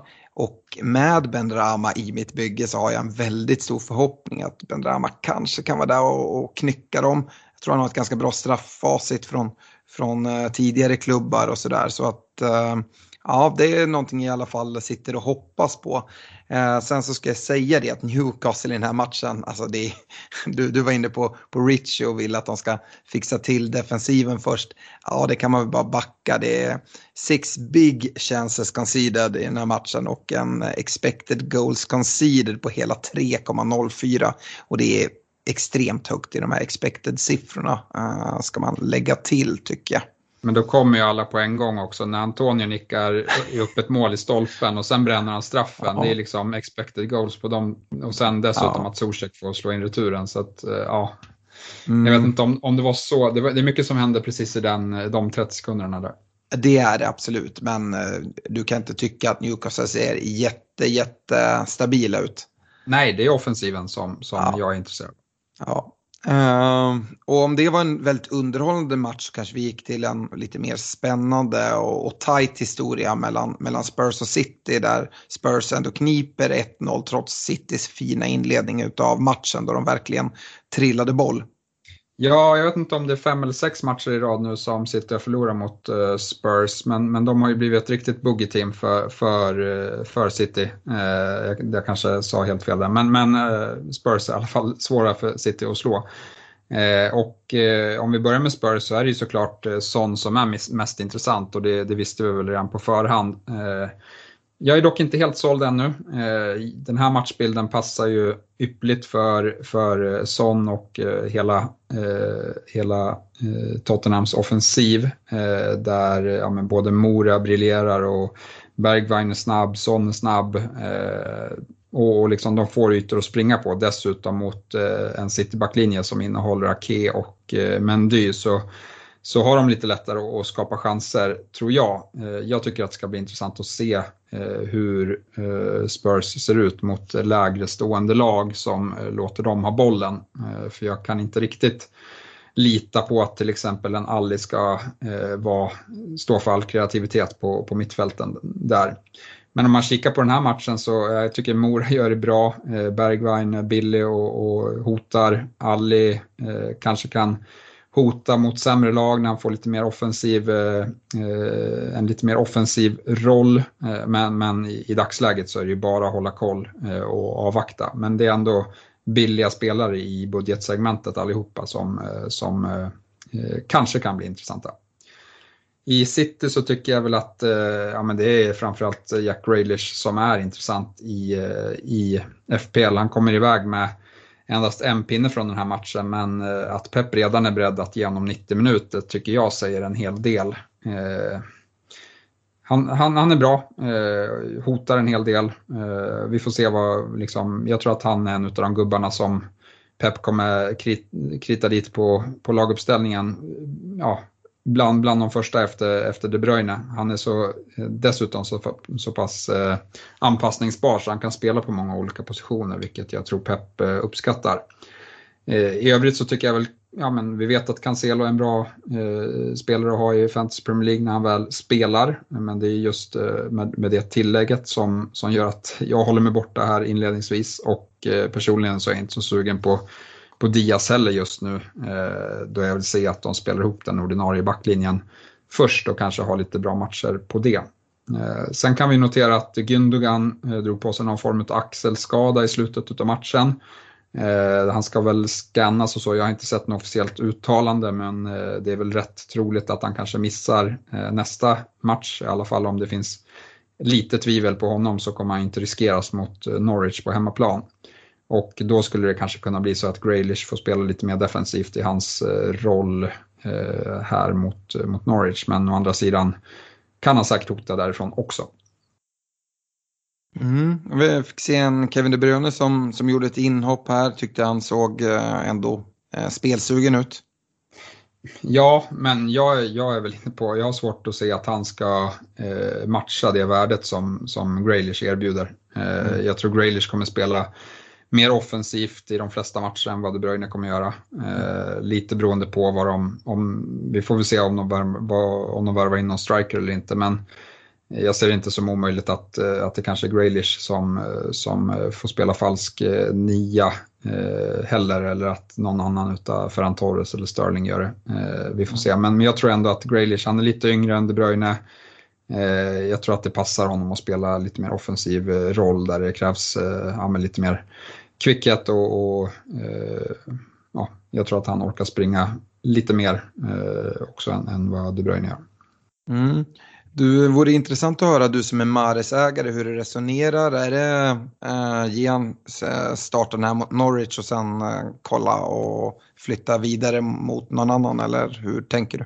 Ja, men det har väl varit tanken hela tiden. Eh, jag hade såklart hoppats att eh, City skulle kunna ta den här matchen eh, och, och Mares har ju ett bra läge i, i matchen där han halkar lite grann när han ska skjuta. Men jag är orolig men, men, samtidigt så valde jag honom lite för två matcher. Hade jag fått ja om valet så hade jag ju valt Graylish från, från City istället här men jag trodde inte att han skulle få så mycket speltid eh, här i Game Week 1. Men nu vet vi det eh, och det är absolut en gubbe som eventuellt jag byter Mares mot, eh, fast inte nu direkt utan jag vill ha lite mer info och då är det framförallt kring om de här budgetmittfältarna kan hålla uppe sin leverans eller om, om eh, Son ser helt fantastisk ut eh, så, så kanske det kliar i, i Son-fingret också.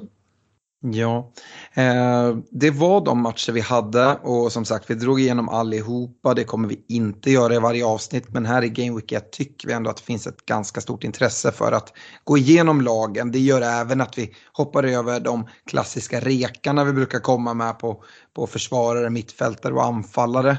Um, men Stefan, i vår Patreon Messenger-tråd flaggar du upp en viktig sak här. Vi Eh, vi pratar mycket om, om byten till höger och vänster och Fredrik har redan tryckt av ett. Men eh, covids inverkan här kopplat till det uppkommande landslagsuppehållet som vi har efter Game Week 3 kanske gör att man bör spara ett byte, eller? Ja, alltså det kom ju nyheter från, från Liverpool-håll framförallt som eh, där, där både egentligen Liverpool och Everton drabbas negativt om det skulle vara så att, eh, att de här reglerna eh, gäller även när det blir landslagsuppehåll. Men tydligen så har Fifa ändrat sitt reglemente så att de kan in, klubbar kan inte förhindra eh, spelare från att åka på landslagsuppehåll även om det innebär att de måste sitta i karantän när de kommer tillbaka. Och eh, det är många utav, eh, idag så är det många länder som är rödflaggade eh, för, ja men, för att komma tillbaka till till Storbritannien eh, och där, däribland så kommer bra, brasil, brasilianarna eh, eh, vad heter det, drabbas, även Argentina eh, och eh, sen även en hel del länder i, i Afrika står med på listan. Så att eh, det, det, betyder framförallt att eh, ja, men en Sala eh, tillsammans med alla brassar i, i Liverpool och Richarlison till exempel riskerar att behöva sitta i karantän som det ser ut just nu i Game Week 4 och eh, även i Game Week 5.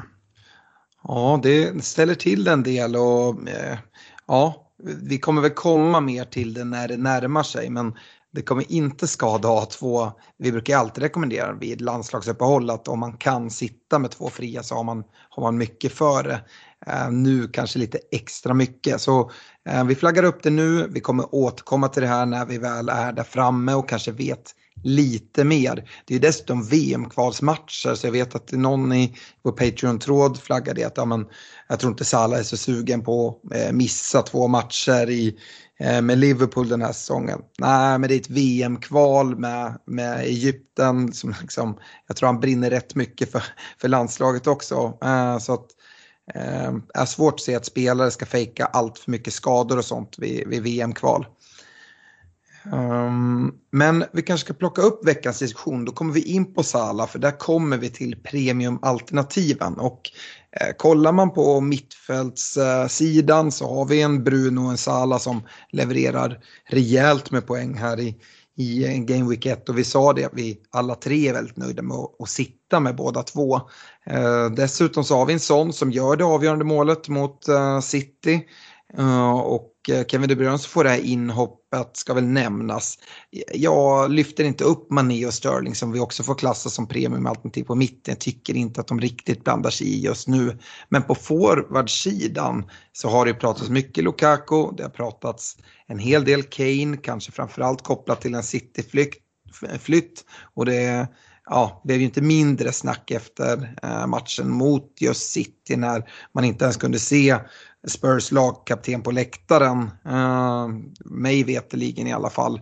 Eh, ja, man kan ju hålla på och fingra på det här fram och tillbaka men eh, just nu sitter jag med två premiumalternativ.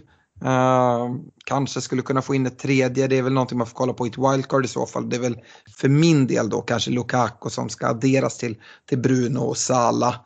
Uh, eh, men uh, ja, Fredrik, hur, hur, resonerar du kring de här premiumalternativen?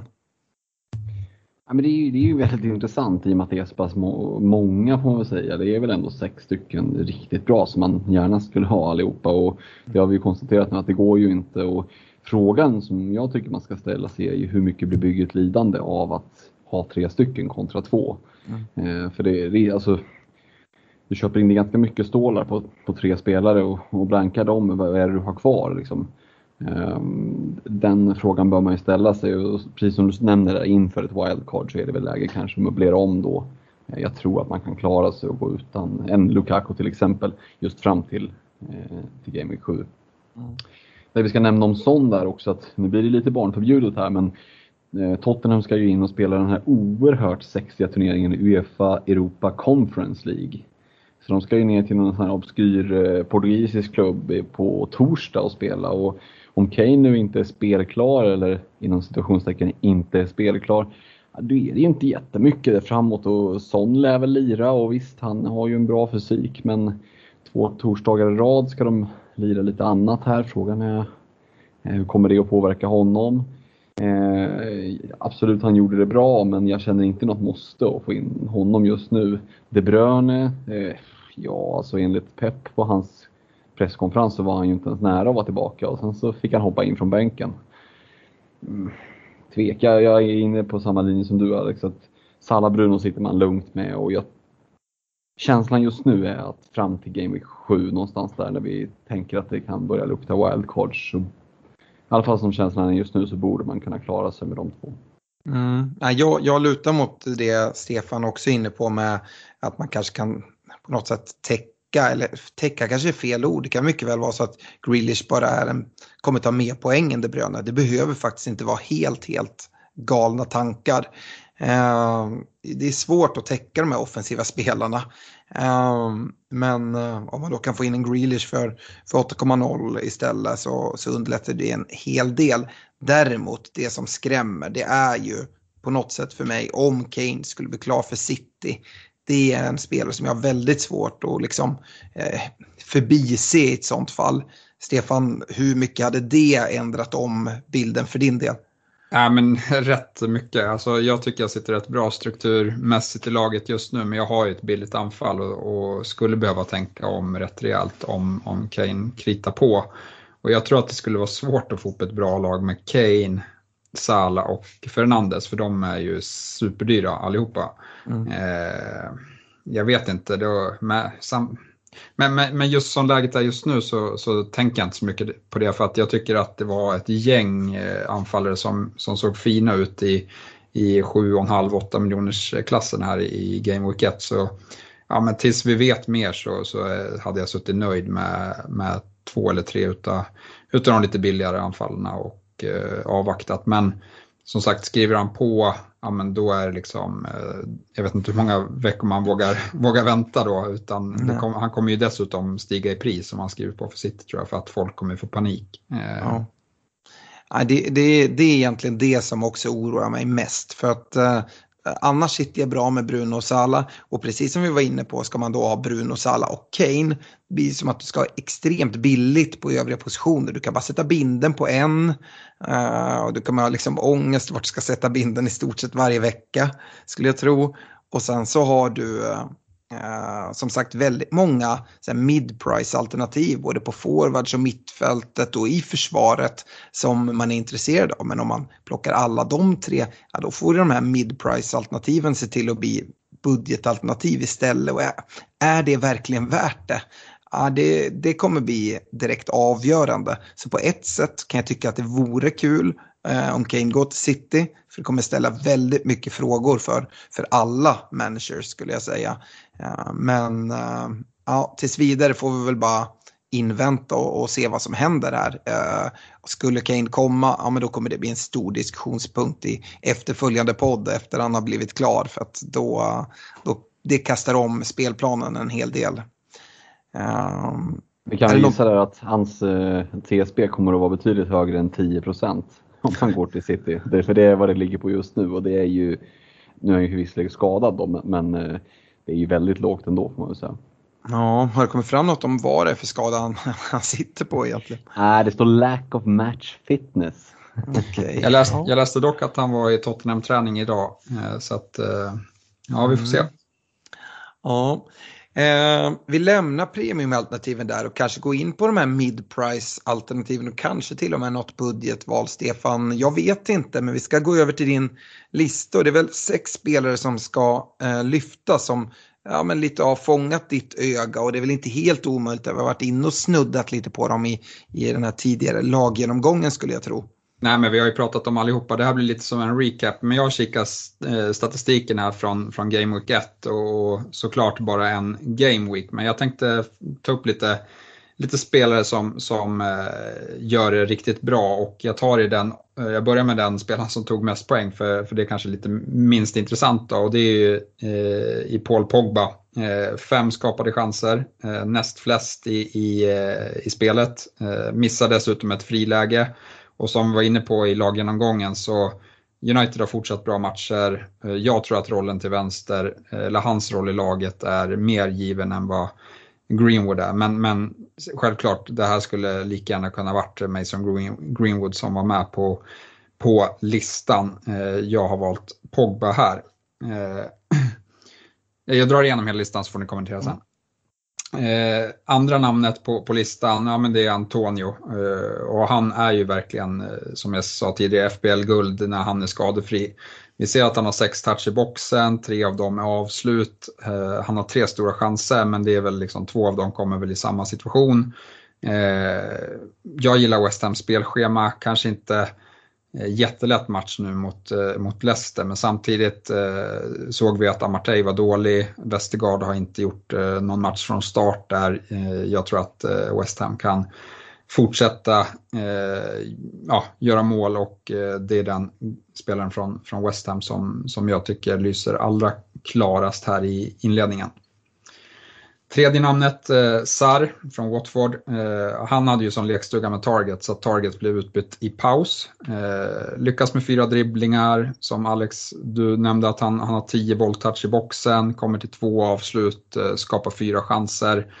Eh, och kikar man highlights från den matchen så är det ju typ att när Sar springer ifrån target eh, i första halvlek. Så jag förstår ju att han blir utbytt men samtidigt den snabbheten som han visar upp där. Det är många, många vänsterbackar som kommer drömma mardrömmar inför att möta honom. Eh, sen får vi se om Watford kan eh, ja, men leverera poäng i, i många matcher. Men jag tycker att eh, om vi ska jämföra honom med Dennis som också imponerade här i Game Week 1 så vet vi med Sarr att han, han eh, klarar det i, i, Premier League för att han har varit upp där tidigare och eh, gjort det bra. Eh, så nej, eh, han tror jag mycket på och eh, kanske inte nu direkt men, men från Game Week 4 eh, superintressant. Sen eh, fjärde namnet är ju eh, Calvert Lewin. Eh, hade lika gärna kunnat stått Richarlison här men som vi var inne på så eh, är det lite osäkerhet kring Richarlison eh, inför landslagsuppehållet. Men eh, Calvert Lewin han känns ju som klippt och skuren för den här Benites-fotbollen med extremt mycket inlägg. Eh, vi ser att han har sex bolltouch i boxen, fem av dem avslut, tre på nick. Eh, och så tror jag att det kommer se ut i många matcher. Eh, dessutom så har Everton ett bra inledande spelschema. Så att, eh, han tycker absolut att man bör kika mot och eh, det kan man göra redan från, från Game Week 2. Då de ska möta Leeds som absolut inte imponerade eh, här i, i Game Week 1.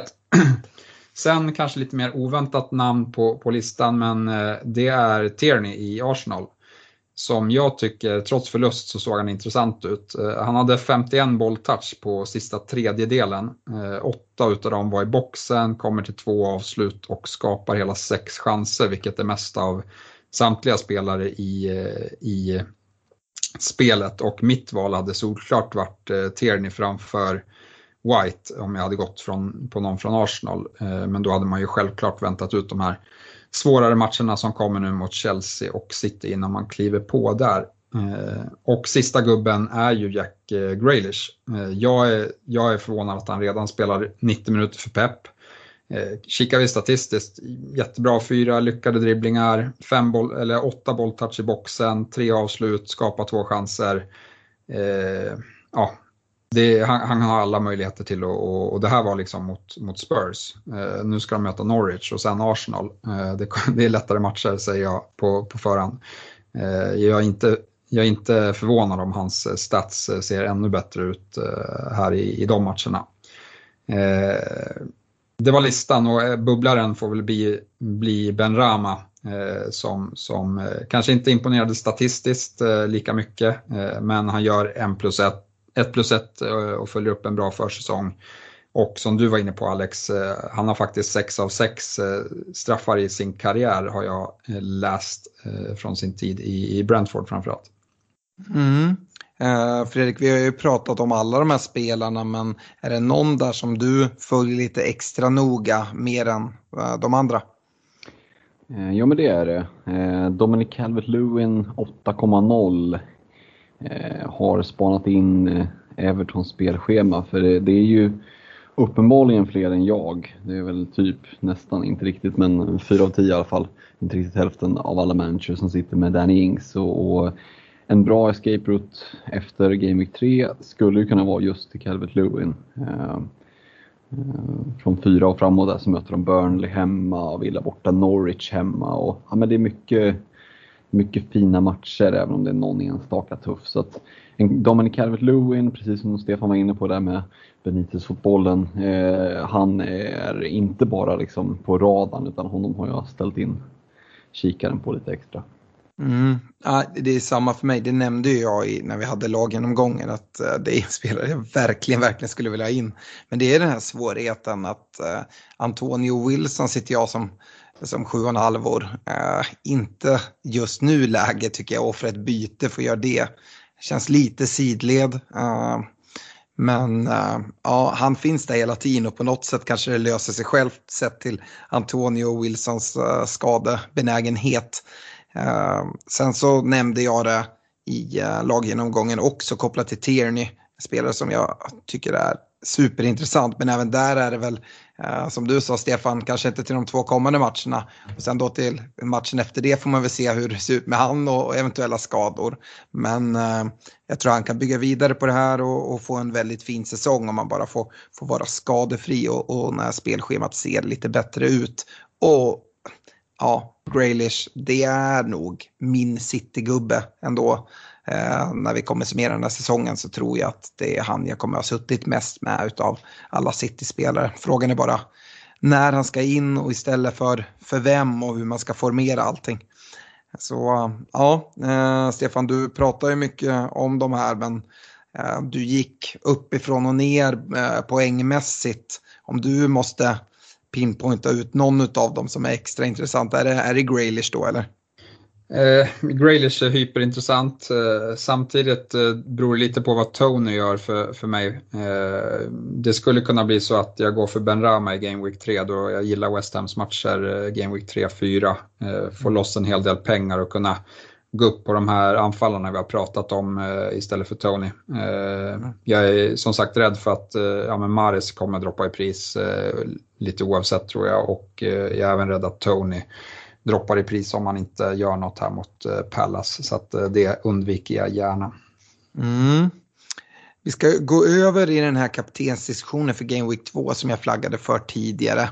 Eh, först och främst ska jag säga att vi har en lördagsdeadline vid 12.00 den här veckan och det är Liverpool Burnley som kickar igång allting vid 13.30. Och ja, jag var inne på det när vi hade laggenomgången att det var ju en första omgång där hemmalagen verkligen eh, stack iväg. Det var väl sju hemmavinster tror jag vi, det blev när vi summerade allting. Och uh, nu ska Liverpool hem till Anfield första gången med publik, i alla fall fullsatt. Liverpool fick ju ha lite publik. Uh, Salah hemma på Anfield brukar vara bra. Uh, formen i Game Week 1 talar verkligen för uh, Burnleys dåliga försvar i Game Week 1. Samtidigt Salas facit mot Burnley. Det är noll mål senaste fem Premier League-matcherna. Eh, ett mål på senaste sju mot dem. Eh, sen är det det här den tidiga lördagsmatchen. Så det alltid finns något lite så här i fantasykretsar kring och sätta en bindel. Eh, ja, jag vet inte hur, hur mycket lägger du i det Fredrik, det här att man har lite problem mot vissa specifika lag?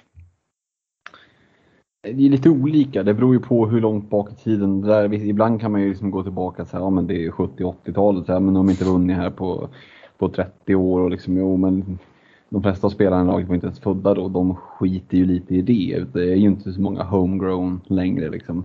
Eh, sen kan man ju såklart ha vissa boogie teams och sådär men, men eh, jag skulle inte välja bort en bindel på, på Sala på grund av att han har ett litet eh, skralt facit mot just Burnley utan eh, Eh, där skulle jag nog säga att eh, hans form just nu och Burnleys dåliga försvarsform just nu liksom trumfar det vad det gäller. Sen finns det andra som, som lägger sig i diskussionen men, men eh, jag tycker inte att det är tillräcklig, liksom, tillräckliga argument för att, för att jobba bort en Salah-bindel för Anfield. Alltså, det kommer att vara magiskt. Eh, det kommer att vara magiskt. Eh, och med den formen Salah är i så om man inte sätter binden där då kommer det att vara nervöst att se matchen. Mm, det kommer det vara. Uh, absolut. Det kan ju bli något sånt där liknande som, som hände nu i lördags. Att man satt där, ah, nu ska Liverpool spela, man Bruno har redan levererat. Fast i ett omvänt läge. Att, uh, Southampton möter United i, i, uh, på söndagen. Uh, är det så att Salah har levererat jättemycket och man gick på Bruno-binden så kommer man vara nervös. Man kan även sitta där och njuta om det är så att Salah kanske har haft lite tufft eh, och inte gjort mål. Inte den här matchen heller mot Burnley. Eh, så det är väl Bruno jag ändå ställer upp där emot. Eh, och Bruno, ja men man tar ju med formen från Game Week 1, precis som jag gav plus för, för Sala. Eh, tar även med mig att SA-15 hade den näst högsta expected goals conceded-siffran på 2,09 eh, mot Everton då. Uh, ja, Bruno gjorde mål i båda matcherna mot SA-15 förra säsongen och vi minns väl alla 9-0 matchen. Med glädje hoppas jag. Uh, å andra sidan är det den här bort, borta matchen, men är det ens ett minus för Bruno? För tidigare är det ju sådana lag som, uh, som han har spelat bäst när han får spela bort ifrån Old Trafford. Uh, ja, hur mycket var liksom formen i Game Week 1 ett resultat av hemmapremiären mot, mot just Leeds? Uh, Stefan, uh, du tyckte det var ett väldigt enkelt val. Jag antar att det enkla valet är ju att sätta den på Sala och är det det då du, du tänker? Nej, nej, nej. Jag kommer sätta den på Bruno alla dagar i veckan. Ja, uh, utveckla gärna. Ja, men Southamptons försvarsspel, vad är det? Alltså, Everton visst, men ja, Nej, jag tror inte på Southampton. Och vi har sett dem flera gånger bara bli fullständigt överkörd utav topplag när de inte riktigt är i, är i form. Så att eh, eh, ja, de har torskat mot, eh, mot Leicester och de har torskat mot United stort. nej, eh, det, det, är en Bruno Bindel alla dagar för mig. Mm, härligt alltså. Du tycker att alla inte ens blandar sig i den här? Det är klart du, han blandar sig i. Båda, jag tror båda kommer göra det bra, men för mig, för mig är det Bruno. Eh, och som jag tror, som vi varit inne på tidigare, att eh, han är närmare till bonus eh, än, än vad Salah är också. Jag, jag gillar Bruno bättre som, som fantasyspelare generellt. Eh, sen, sen tror jag att båda kommer ta mycket poäng i, i, i den här eh, gameweeken. Men eh, Nej, jag vet inte. Burnley kommer, om vi kikar på de målen som Norwich släppte till så var de ju riktigt slappa och, och liksom falla tillbaka i, i rätt positioner. Eh, de stod och klagade på domaren och Liverpool kunde liksom bara, ja men okej, okay, men då slår vi, slår vi ut bollen på Trent och sen, sen så gör vi mål. Eh, Burnley kommer inte uppträda så. Eh, och nej, vi får se. Eh, jag ger båda bra chanser men, men jag lutar absolut åt Bruno. Vi har väl spelat fantasy 14-15 säsongen och sådär tillsammans Stefan. Och det som jag ändå trodde att du skulle falla över i en Salabindel är ju att du väldigt gärna vill sätta på eh, lag som har hemmamatch. Och eh, just nu med den här starten när publiken är tillbaka så har vi verkligen sett hemmaplansfördelen spela ut sin roll. Ehm, det, det är inget som väger över här. Nej, alltså jag tror fortfarande att, eh, att det var Norwich slapphet som gjorde att Liverpool fick göra tre eh, baljor i premiären. Eh, och eh, som sagt, deras ordinarie mittfält har fortfarande inte spelat. Burnley kommer stå med tio man i boxen och så ska de här B-mittfältet försöka luckra upp det där. Jag tror att, att kan eh, finnas en matchbild där det blir knivet för, eh, för Liverpool, även om det kan såklart kommer vara bra stämning. Så. Men, mm. men den stämningen kan även vändas till att det blir press. Eh, så, så, såklart inte troligt, men, men det är ändå något jag ser. United kommer definitivt sopa banan med Southampton tror jag. Mm. Uh, Fredrik, uh, vad, vad liksom lägger du upp här, Bruno kontra Sala? Uh, jag tyck, tycker precis som Stefan att Bruno är ett bra alternativ. Men ja, för mig sitter Binder på Salla just nu. Det har varit min ursprungliga plan innan vi såg Game Week 1 uh, eh, och gillade liksom den här hemmaplansfördelningen. Jag var på plats på Old Trafford och såg vad som hände, hände där. Jag förväntar mig, precis som du, att Anfield kommer vara liksom kokande här uh, nu på lördag. Mm, mm. Nej, och det är ju mycket det som talar för. Det, det som gör att min bindel i det busslag som jag har nu, och när jag säger busslag så ska vi för nya lyssnare förklara vad det är för någonting. Det är ju att man sätter i ordning ett lag direkt efter deadline inför kommande Game Week. Så att om man blir påkörd av en buss så finns laget där eh, ändå. Eh, det var en parentes. Men, men, eh, nej, men i mitt busslag just nu så sitter Bruno som kapten. Eh, och det är väl lite avslöjat att jag skickade in Greenwood. Jag är inne på samma linje som Stefan. Att Southampton är för jävla dåliga alltså, så att jag räknar iskallt med att det blir leverans från ja, båda. Både Bruno och Greenwood egentligen. Och jag tror att Salah kan göra det bra också. Jag tror att vi mycket väl kan sitta med, om inte 20 respektive 17 poäng, så 10 poäng på båda två. Det skulle inte alls förvåna mig. Nej, intressant är att uh jag då som United-supporter, det kan ju vara den här pessimisten igen på något sätt. Jag tror att Bruno kommer göra det bra. Eh, det, det flaggar jag verkligen upp för. Men eh, ah, ja, jag, den här hemmaplansfördelningen, jag vet inte om det är uppslukad över min eh, Manchester-tripp här. Men ah, ja, jag tror liksom att det kommer vara en boost även för, för Southampton och, och, och spela hemma. sen så är ju det som talar emot. Och det skulle kunna vara att de bara får boosten och bara vill gå framåt och öppnar upp sig lite för mycket. Eh, visst, den möjligheten finns, men eh, ja, jag vet inte. Ja, jag har fortfarande binden på Sala. Får se vart jag landar. Det vore kul att sitta där. Ni sitter med dubbelbrun och så fortsätter jag bara dra ifrån vidare här eh, med, när Sala eh, levererar hemma på Anfield. Ehm, ja, det blir eh, intressant. Jag, vad tror ni jag har fel när jag säger att jag tror att Salah kommer vara den mest eh, kaptenade spelaren uh, i Game Week 2? Eh, nej, men det tror jag. Det tror jag. Ja, det kommer nog vara ganska hårt. Jag tror det kommer vara lätt övervikt till Salah. Och det är nog mycket för att liksom, det är hemmaplan och så. Men, men mm. det kommer sitta...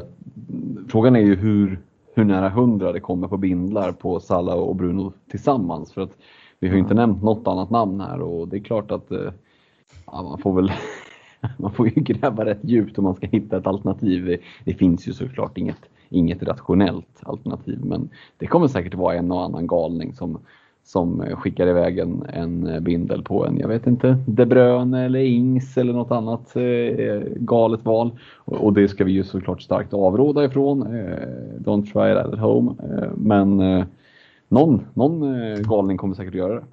Jag tycker att casen för Bruno och Sala för båda två är så pass bra. Eh, och Stefan, jag, jag, tror att även om du säger det att det, du ser en möjlighet till att det skulle kunna bli lite press på Liverpool om de inte får in bollen och sånt. Så tror jag väl ändå att du tycker att Salah är liksom ett, ett bra kaptensval. Det är bara att du tycker att Bruno är bättre om jag förstår det rätt. Absolut, men jag gillar också att, alltså nu, jag kikade tidigt, men jag kikade eh, vad heter det, röstningen på Fantasy Football Scout-sidan. Det är 64% som går på Salah, det är bara 20% mm. som går på Fernandes. Eh, så att jag gillar det. Eh, alltså om, jag, jag, ser en matchbild där, där Liverpool får det tufft, eh, eller kanske inte tufft men att kanske Salah inte gör så mycket. Eh, men, men jag ser ju liksom, jag förväntar mig minst tre mål i, i typ alla matchbilder från, från United. Mm. Eh, och de andra alternativen, eh, Fredrik du var inne på det, City möter Norwich hemma på Etihad. Eh, det är ju en jättefin match. Det är ju bara det att, men, Stefan du sitter med en Mares men det finns hela tiden liksom, är han med i bygget? Ja, man tror ju att han ska vara med i starten men man, man kan aldrig känna sig helt trygg och kommer han ens få 90 eh, om man börjar, det vet man inte heller. Vi har ett Spurs som möter Wolves borta men lite som du var inne på där Stefan med, med Son att ja, men mot, mot City så kan de bara gå på snabbhet och det är det som skapar chanserna. Eh, Wolves kommer väl spela mer offensivt i år men det kommer inte vara ett Manchester City de möter. kommer inte öppna upp sig liksom, och kliva framåt med hela laget kan jag ändå inte se. Uh, och sen är det ju den här klassiska, vilka är det Newcastle möter? det är Aston Villa. Eh, med liksom det högsta expected goals conceded på 3,04 mot West Ham i Game Week 1. Men alltså det är inte så att Ings gjorde ett case för sig bara för att han rullade in den där straffen 97 och jag har mycket frågetecken kring Villa. Eh, alltså jag kan inte på något sätt rekommendera att gå ifrån Bruno eller Sala. Eh, och bara för det kommer vi sitta nästa vecka med någon annan eh, kaptensalternativ som faktiskt har tagit mer poäng. Men för mig kan jag inte råda någon att liksom sticka ut mer än så från, från template att välja mellan Bruno och Sala. Nej, om jag säger så här, skulle du rikta en pistol mot tinningen och säga du får inte välja Sala eller Bruno. Då hade jag valt Trent Alexander-Arnold som kapten. Det hade jag nog också gjort. ja, okej. Okay. Ja, för han kommer det... slå extremt mycket inlägg. Mycket inlägg ja. Burnley kommer stå så djupt så att uh, det är ja. löjligt. Det var ju... Burnley är ju dåliga på att försvara sig mot inlägg, det är sant. Nej, ja, det vet jag inte om jag hade gått på ändå. Alltså. Uh, då hade jag nog faktiskt letat. Uh, alltså om jag bara fått välja helt fritt så hade jag nog gått till City-matchen hemma mot Norwich. För där kan jag också se en rejäl överkörning. Uh, och uh, ja, men, liksom coin flip mellan Graylish eller Mares för mig. Uh, men nu ska vi inte ens prata om det tycker jag. Utan vi går vidare på lyssnarfrågorna. Och Carl Kviding börjar med en kaptensfråga och undrar om det inte bara det bästa är att sätta en kaptensbindel på Salah hela säsongen så länge han är skadefri istället för att hålla på och växla mellan han och Bruno eller någon annan premiumspelare. Stefan, har du övervägt det här någon gång och bara sätta den på exempelvis Salah? Ja, alltså det kanske man skulle göra för att det var väl något uh, år du räknade ihop alla de där poängen och då hade det ju blivit mer poäng om man bara hade tagit den som hade tagit mest poäng på säsong. Så att, uh, absolut ett alternativ. Det är inte lika roligt dock. Nej, det är det inte. Mindre huvudvärk kanske. Uh, jag, jag, skulle aldrig göra det. Jag lägger ner alldeles för mycket tid på, på det här spelet så att uh, jag vill ändå ha någon form av liksom, egen styrning på, på kaptensvalet. Sen så, jag är väl inte största fanet över hur, hur stor del ett kaptensval har i det här spelet. Uh, men ja, det är vad det är och då vill jag ändå göra ett aktivt val uh, kring kaptenen. Även om jag hittar fel mer eller mindre varje vecka. Uh, Fredrik uh, André Widheim Ekelund undrar om man måste köra på en, spelare, en City-spelare mot Norwich. Nej, det tycker jag inte för att eh, har du någon så då sitter du ju såklart och håller den. För som Stefan var inne på så, så har du förmodligen plockat in den väldigt mycket för Game Week 2. Men jag menar, vi som sitter utan sitt spelare, ja vem ska vi byta in? Ja, förmodligen då Jack Grealish, men mm. med den rouletten och liksom Peps totala men han, han drar sig inte för att säga vad fan som helst på presskonferenserna så kan vi inte lita på någonting. Eh, jag, jag tar inte in någon City-spelare eh, överhuvudtaget. Ja, sen framförallt, vem är det man ska byta ut? Alltså, jag har lagt, jag vet inte hur många timmar på att ta ut mitt Game Week 1-lag och då har jag även haft Game Week 2 i liksom, åtanke. Jag valde att eh, starta säsongen utan City-spelare. Jag har såklart sett att de möter Norwich i Game Week 2. Skulle jag ta in någon hade jag tagit in Graylish. Uh, men det, jag måste ta ut någon på mittfältet. Jag har en Harvey Barnes för 7,0 som blankade men Alltså jag, inte, vill, jag vill ha två byten. Jag är inte så sugen att göra dem där. Så måste jag hitta en miljon dessutom för att göra Barnes till, till honom. Uh, så att, jag tycker inte att man behöver liksom känna sig stressad att få in någon spelare. Det är mer de här bytena man ska göra i Game Week 1. Det tycker jag är spelare som man byter bort sig från problem. En Gündogan som skadar sig till exempel. Ja, men där är det läge att göra ett byte. Men um, mer, jag, jag ska försöka göra så ännu mer. Jag gjorde det förra året. Att men, de byten jag använder mig av är att gå från spelare. Det kanske låter lite tråkigt. Du gjorde tvärtom nu Fredrik. Du gick liksom på offensiven och ser en spelare som du har möjlighet att kliva på tidigt som du verkligen tror på och kommer bräka in poäng nu här i början med Greenwood.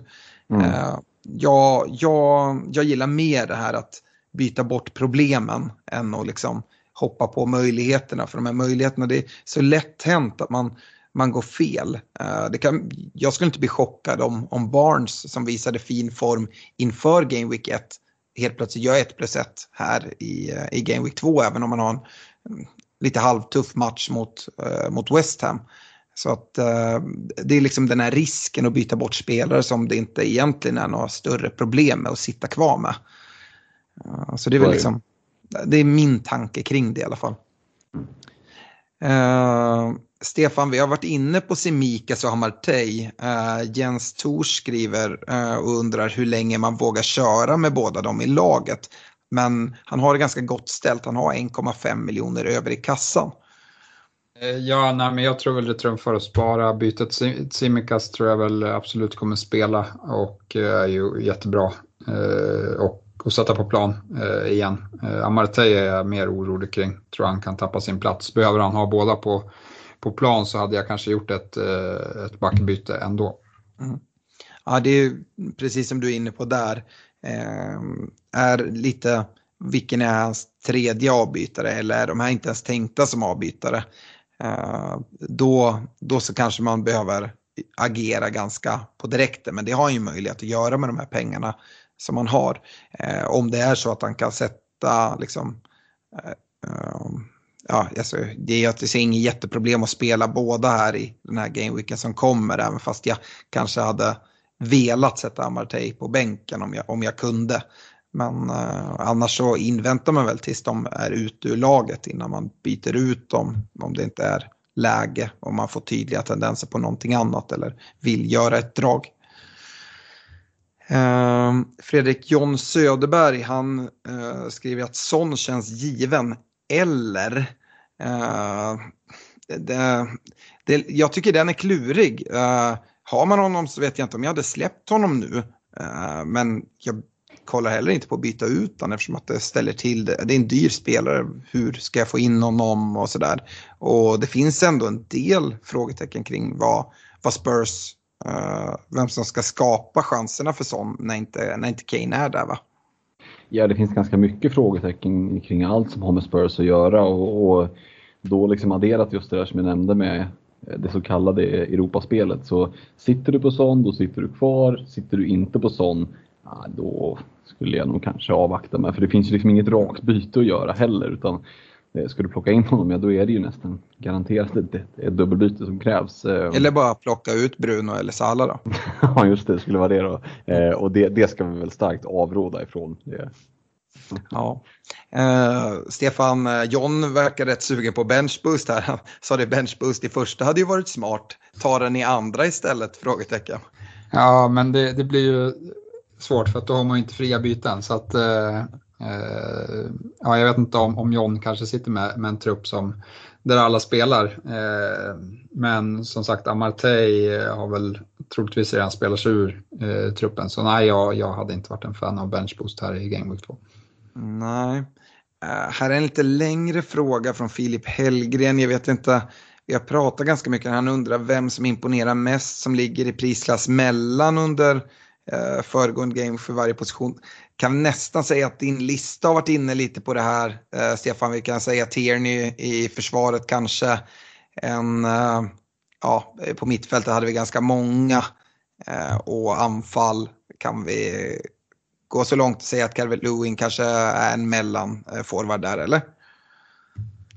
Ja, om inte annat så, så imponerade väl både Antonio och Wilson också. Ja. Eh, Elliot Blemborn, han verkar lite, lite sugen här. Han undrar om man ska sitta lugnt med samma lag eller försöka in, få in någon City-spelare. Eh, han tog 117 poäng i första, första gameweeken, så eh, man sitter ganska lugnt då va? Ja, fy fan, då sitter, man, då sitter man helt jävla stilla i båten. Alltså. Han drog inget chip heller, ska jag, ska jag lägga till där då. Uh, ah, Elliot, sitt lugn bara och, och njut. Uh, Jonas Köhler undrar hur snabbt man behöver få in Lukaku i bygget och vilken premium uh, ska man i så fall offra av Sala, Bruno och Trent kastar han in där också. Ska vi inte offra någon av dem va, Stefan? Nej, det tycker jag inte. Men, men som sagt, det kan ju se annorlunda ut eh, när jag kikar mot eh, Lukaku, mm. vilket är i, i, framåt Game Week 7. Eh, mm. och, och, då har man ju mycket, mycket tid att analysera eh, det beslutet. Så, så nej, eh, just nu så har jag ingen panik att, att få in honom. Mm.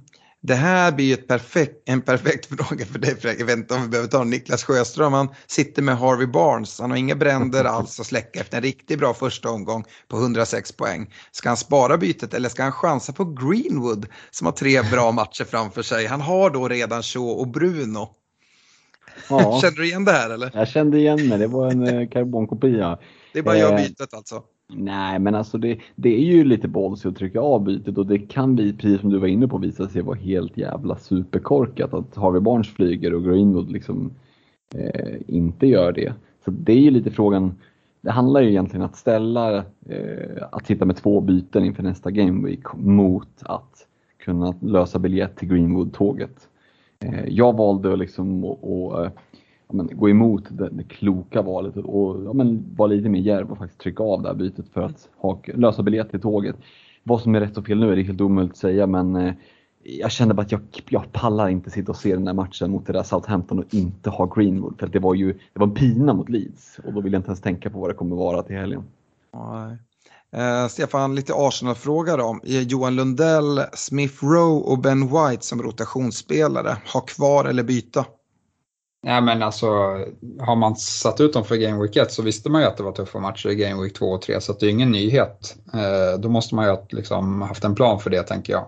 Mm. Eh, har man inte haft det, ja men då har man väl planerat dåligt och då, då, då kanske man får byta. Men men annars så nej, fan vänta till, till Norwich och Burnley eh, här. Eh, alltså man ska ju med sig att Arsenals uppladdning till den här matchen inte var optimal med tanke på det som hände med Aubameyang och Lacazette. Jag tror inte att det är någon sjukdom utan det handlar ju om transfer eh, eller liksom deras eh, motivation att spela för klubben mm. mer än någonting annat. Och, och dessutom så ja, men Partey skadade sig i sista träningsmatchen så att eh, av den anledningen så tror jag väl också att liksom försvaret försvarsspelet var lite lidande. Eh, och eh, ja, men, säg att Partey är tillbaka och att eh, liksom, vi vet lite mer vilka som blir kvar i, i truppen eller att, eh, ja, men, eh, att Balogun kanske får mer än en dag på sig att förbereda sig för att han ska göra eh, debut i, i, i, Premier League så, så kanske det ser helt annorlunda ut eh, i, i den matchen skulle jag säga. Så jag hade, jag hade haft tålamod. Mm. Det är väldigt mycket frågor som har kommit in. Det är jättekul. Eh, ni ställer frågor via vår Facebook-sida, Svenska FBL-podden. Eh, många av dem har vi svarat på i podden här som har blivit ganska lång. Men Kristoffer Alm undrar, Fredrik, är Chilwell en för stor risk att fortsätta gå med? Eller ska man sitta lugnt i båten och tro att han tar tillbaka platsen? Ja, men där beror ju liksom lite på hur man tänker. Tänker man som jag med det offensiva tänket så då måste man ju se till vem ska du byta in? Eh, och, eh, jag kan inte se någon back i den prisklassen som är så liksom tok eh, intressant att det skulle vara värt att lägga ett byte på det. Eh, så jag hade nog suttit lugnt i båten ändå och så gav man sig in i den där tombolan då, då är det liksom den som ger sig in i leken får leken tåla. Och, ja, det, kan bli, det kan bli jättebra till nästa match att han startar och, och gör det bra då lika gärna. Så att jag hade nog suttit lugnt i båten. faktiskt. Chilwell är inte på något sätt petad ur eh, ett Chelsea-lag utan som sämst är han ju att han kommer roteras med en Alonso. Mm. Uh, har man gått in på honom, det är ganska svårt att vara aggressiv också på försvarssidan, även om han kostar 6,0 och man kan göra, man kan välja ganska många försvarare så tycker jag det är svårt att liksom hitta den där försvararen man ska in för en game week och verkligen attackera, precis som du är inne på. Uh, ja. Så att, uh, ja. Jag har svårt att se att Alonso får spela mot Arsenal med tanke på att han inte är raketsnabb direkt. Det känns mm. som att eh, Chelsea skulle bjuda på att PP får, får en bra chans att göra en, en, en bra match där. Eh, utan mm. jag tror att Chilwell är tillbaka för att han är mer stabil. Ja, eh, om du fortsätter spekulera i Arsenal så undrar Simon Greco om eh, vi tror att Havertz startar mot Arsenal och vem man annars ska kolla på i den prisklassen som är intressant. Eh, I den prisklassen har vi väl pratat om, men, men Havertz? Jag tror Havertz eh, startar. Enda anledningen till att han inte spelade här var väl att han spelade 120 minuter i den här eh, Europacupen eh, som, som gick till straffläggning och som de vann mot Villarreal. Så, så jag tror också att han kommer tillbaka till, till laget faktiskt. Mm. Det är väl Lukaku där som, som också ska in och gjorde ju ändå en bra match i Chelsea liksom, så att det brukar ju kunna man brukar kunna vilja hålla ganska hårt i den elvan som, har, som har varit om de har gjort en bra match. Så ska man då trycka in Lukaku och Havertz? Ja, kanske, kanske inte. Jag är ändå inte förvånad om Havertz får börja bänk faktiskt. Nej, Nej kanske inte. Men, men samtidigt, ja. Nej, det, är, det är spekulationer. Eh, men som sagt, jag, jag, tror att han gick från att vara eh, given till att bara liksom vara sliten. Ja, jag tror också att Havertz kommer få mycket speltid eh, gällande Arsenal-matchen det bästa är väl att avvakta fram till presskonferensen. Vi kanske kan få lite besked eh, och sen får man gå lite på magkänsla där. Ehm, men det kan vara värt att chansa med, med Havertz ändå kan jag tycka. Eh, om man nu har tänkt ha honom på sikt. Det är ju som sagt ett tufft spelschema. Det skulle ju kunna vara så att det kanske är ett lättare byte att göra än Havertz till en Greenwood. Eh, och liksom dels vara lite aggressiv på det som du är inne på. Eh, Fredrik, men då det ändå finns lite frågetecken med, med spelschema och eh, andra saker att liksom mm. göra det bytet då. Dessutom spara lite pengar. Eh, mycket i frågan handlar ju om byten och jag är ju så här, sitt, sitt bara lugnt kvar, håll era byten. Men Pontus Gundlycke, eh, han eh, tyckte att eh, Villa kändes väldigt likig. Är det en tillfällighet eller kan det vara läge att göra ett rakt byte från Target till exempelvis Sofal nu direkt när man inte har några andra problem i laget? Uh, Fredrik? Nej, nej för fan. Det gör inte det. Levilla har två kanonmatcher. De kan mycket väl komma och hålla nollan i två matcher i rad. Och då kommer du inte förlåta dig själv för att du har bytt ut massa spelare därifrån. Utan, eh, den typen av byten tycker jag är liksom rent sagt korkat att göra. Utan sätt dig på händerna och liksom Visst, du kan sitta fingra på hur du skulle göra med ett eventuellt wildcard och jada jada, men, men tryck inte av några byten om du inte känner att det här är värt liksom, eh, ja, men det här är värt att verkligen gambla för. För att det är smartare att spara bytet generellt sett. Du ska ha, liksom, du ska ha en jävla fingertoppskänsla och för lite flax om mm. du trycker av ett byte och det ska löna sig. Och det säger jag när jag själv har gjort det för att jag vet att det är en risk. Det mm. smarta valet är att spara bytet. Mm.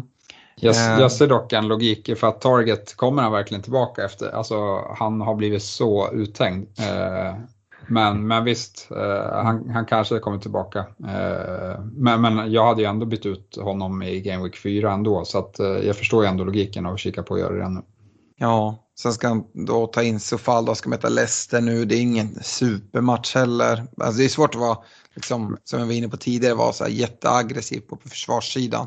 Men det man kan ta med sig var väl att Villa var rätt dåliga försvarsmässigt redan andra halvan av förra säsongen. Eh, och nu så ska man försöka, eller nu försökte man väl ändå spela någon form av 4-4-2 eller det kanske är tanken när, när Watkins är tillbaka. Eh, så nej, jag, jag har frågetecken kring deras defensiv, vilket jag njuter av idag eftersom jag skippade att gå på Martinez här i inledningen. Ja, och även Target som du var inne och fingrade på där ett tag för att få lite Ja, i benchpåslaget hade Target funnits så då hade han varit ett problem. Eh, jag svarar väl själv här på Patrik Fagrells United-fråga. Han undrar om Varann kan vara något att satsa på för 5,5. Han borde väl gå in som ordinarie väl. Eh, och där skulle jag säga nej. Jag tycker att Luke Shaw är ett mycket bättre alternativ. Jag tycker inte att det är läge att dubbla United defensivt när vi har alla de här intressanta offensiva valen. Eh, och dessutom så tycker jag i alla fall från Old Trafford att Lindelöf gjorde en väldigt bra insats. Jag tror inte man kommer stressa in varann. Absolut är han tilltänkt som, som ordinarie försvarsspelare och då bredvid Maguire. Men eh, jag tycker inte att varann är en jätteduktig spelare men det är inte en fantasyspelare för mig. Så här. Uh, ja, vi har uh, Rasmus Mossvik som undrar Stefan, ska man byta ut Thielemans mot någon annan eller ska man uh, ha kvar eh, han där i, i sitt bygge? Eh, nej men jag hade nog behållit. Eh, visst så fanns det några som, som imponerade eh, i, i liksom, men eh, det är en match. Eh, det, det känns lite som att jaga poängen och det är lika bra läge att liksom, eh, ja men tror man, tror man på på Leicester så, och de, de har fina matcher. Det, det är liksom en tuff match här mot ja, West Ham kanske lite tufft men, men sen City men annars är det bra matcher rakt igenom. Mm. Och avslutningsvis då innan vi stänger den här butiken som ändå har haft öppet länge nu så uh, Henrik Jonsson, ja men det här är väl liksom dagens temafråga. Uh, han sa det om man inte riktigt nådde upp till 90 poäng i första gameweeken men tror att laget kan hänga med hyfsat ändå. Är det bäst att spara bytet eller hänga på en så kallad måste-spelare efter första gameweek? Uh, och då tänker främst på mittfältare i prisklass 6 till 6,5. Och jag vet inte vilken den måste-spelaren är. Eh, jag vet inte om du Fredrik har någon måste-spelare som, som ligger där någonstans. Vi har pratat om bra alternativ i, i Sar och i eh, Benrama och, och sådär. Men måste-spelare? Nej, jag, jag förstår paniken. Nu har vi inte fått någon fråga om det. Men om man sitter utan Bruno eller sitter utan Sala. Vad gör jag? Mm. Är det läge att trycka av ett wildcard eller Eh, Eh, ska jag ta minuspoäng för att få in dem nu när vi pratar upp dem så mycket i kaptensdiskussionen också? Det har vi inte fått någon fråga om. Men det är väl så nära måste spelare man kan komma. Men inte ens där tycker jag det är självklart att liksom kasta om hela sitt bygge. Nej, för att har du gått utan då, förmodligen utan Bruno, då gissar jag att du har investerat ganska tungt i exempelvis City. Mm. Eh, och då är ju det förmodligen för Game Week 2, då får man ju lite löpa, löpa linan ut, annars blir risken att man kliver ifrån dem som kommer att flyga mot Norwich hemma. Eh, så. I hans läge, nej, men då hade jag suttit lugnt eh, i båten. Liksom. Och det här bytet som du sparar, det är värt väldigt mycket. Liksom. Eh, mm. så att, eh, säger jag som inte har det kvar. men så är det ju. ja, men det är härligt. Vi eh, ska väl eh, slå ihop som sagt och stort tack för att ni har lyssnat. Vi är tillbaka igen nästa vecka, plockar ner Game Week 2 och ser fram emot Game Week 3. Vi eh, ska även då kanske inte ha en så här lång laggenomgång utan komma med lite rekommendationer, prata lite veckans punkter som vi tycker, tycker är mest intressanta. Men tills dess får ni ha det bra och stort lycka till inför Game Week 2 och jag önskar er alla utom Stefan och Fredrik gröna pilar. Ha det bra allihopa. Hej då. Ha det bra. Ha det bra. Ciao.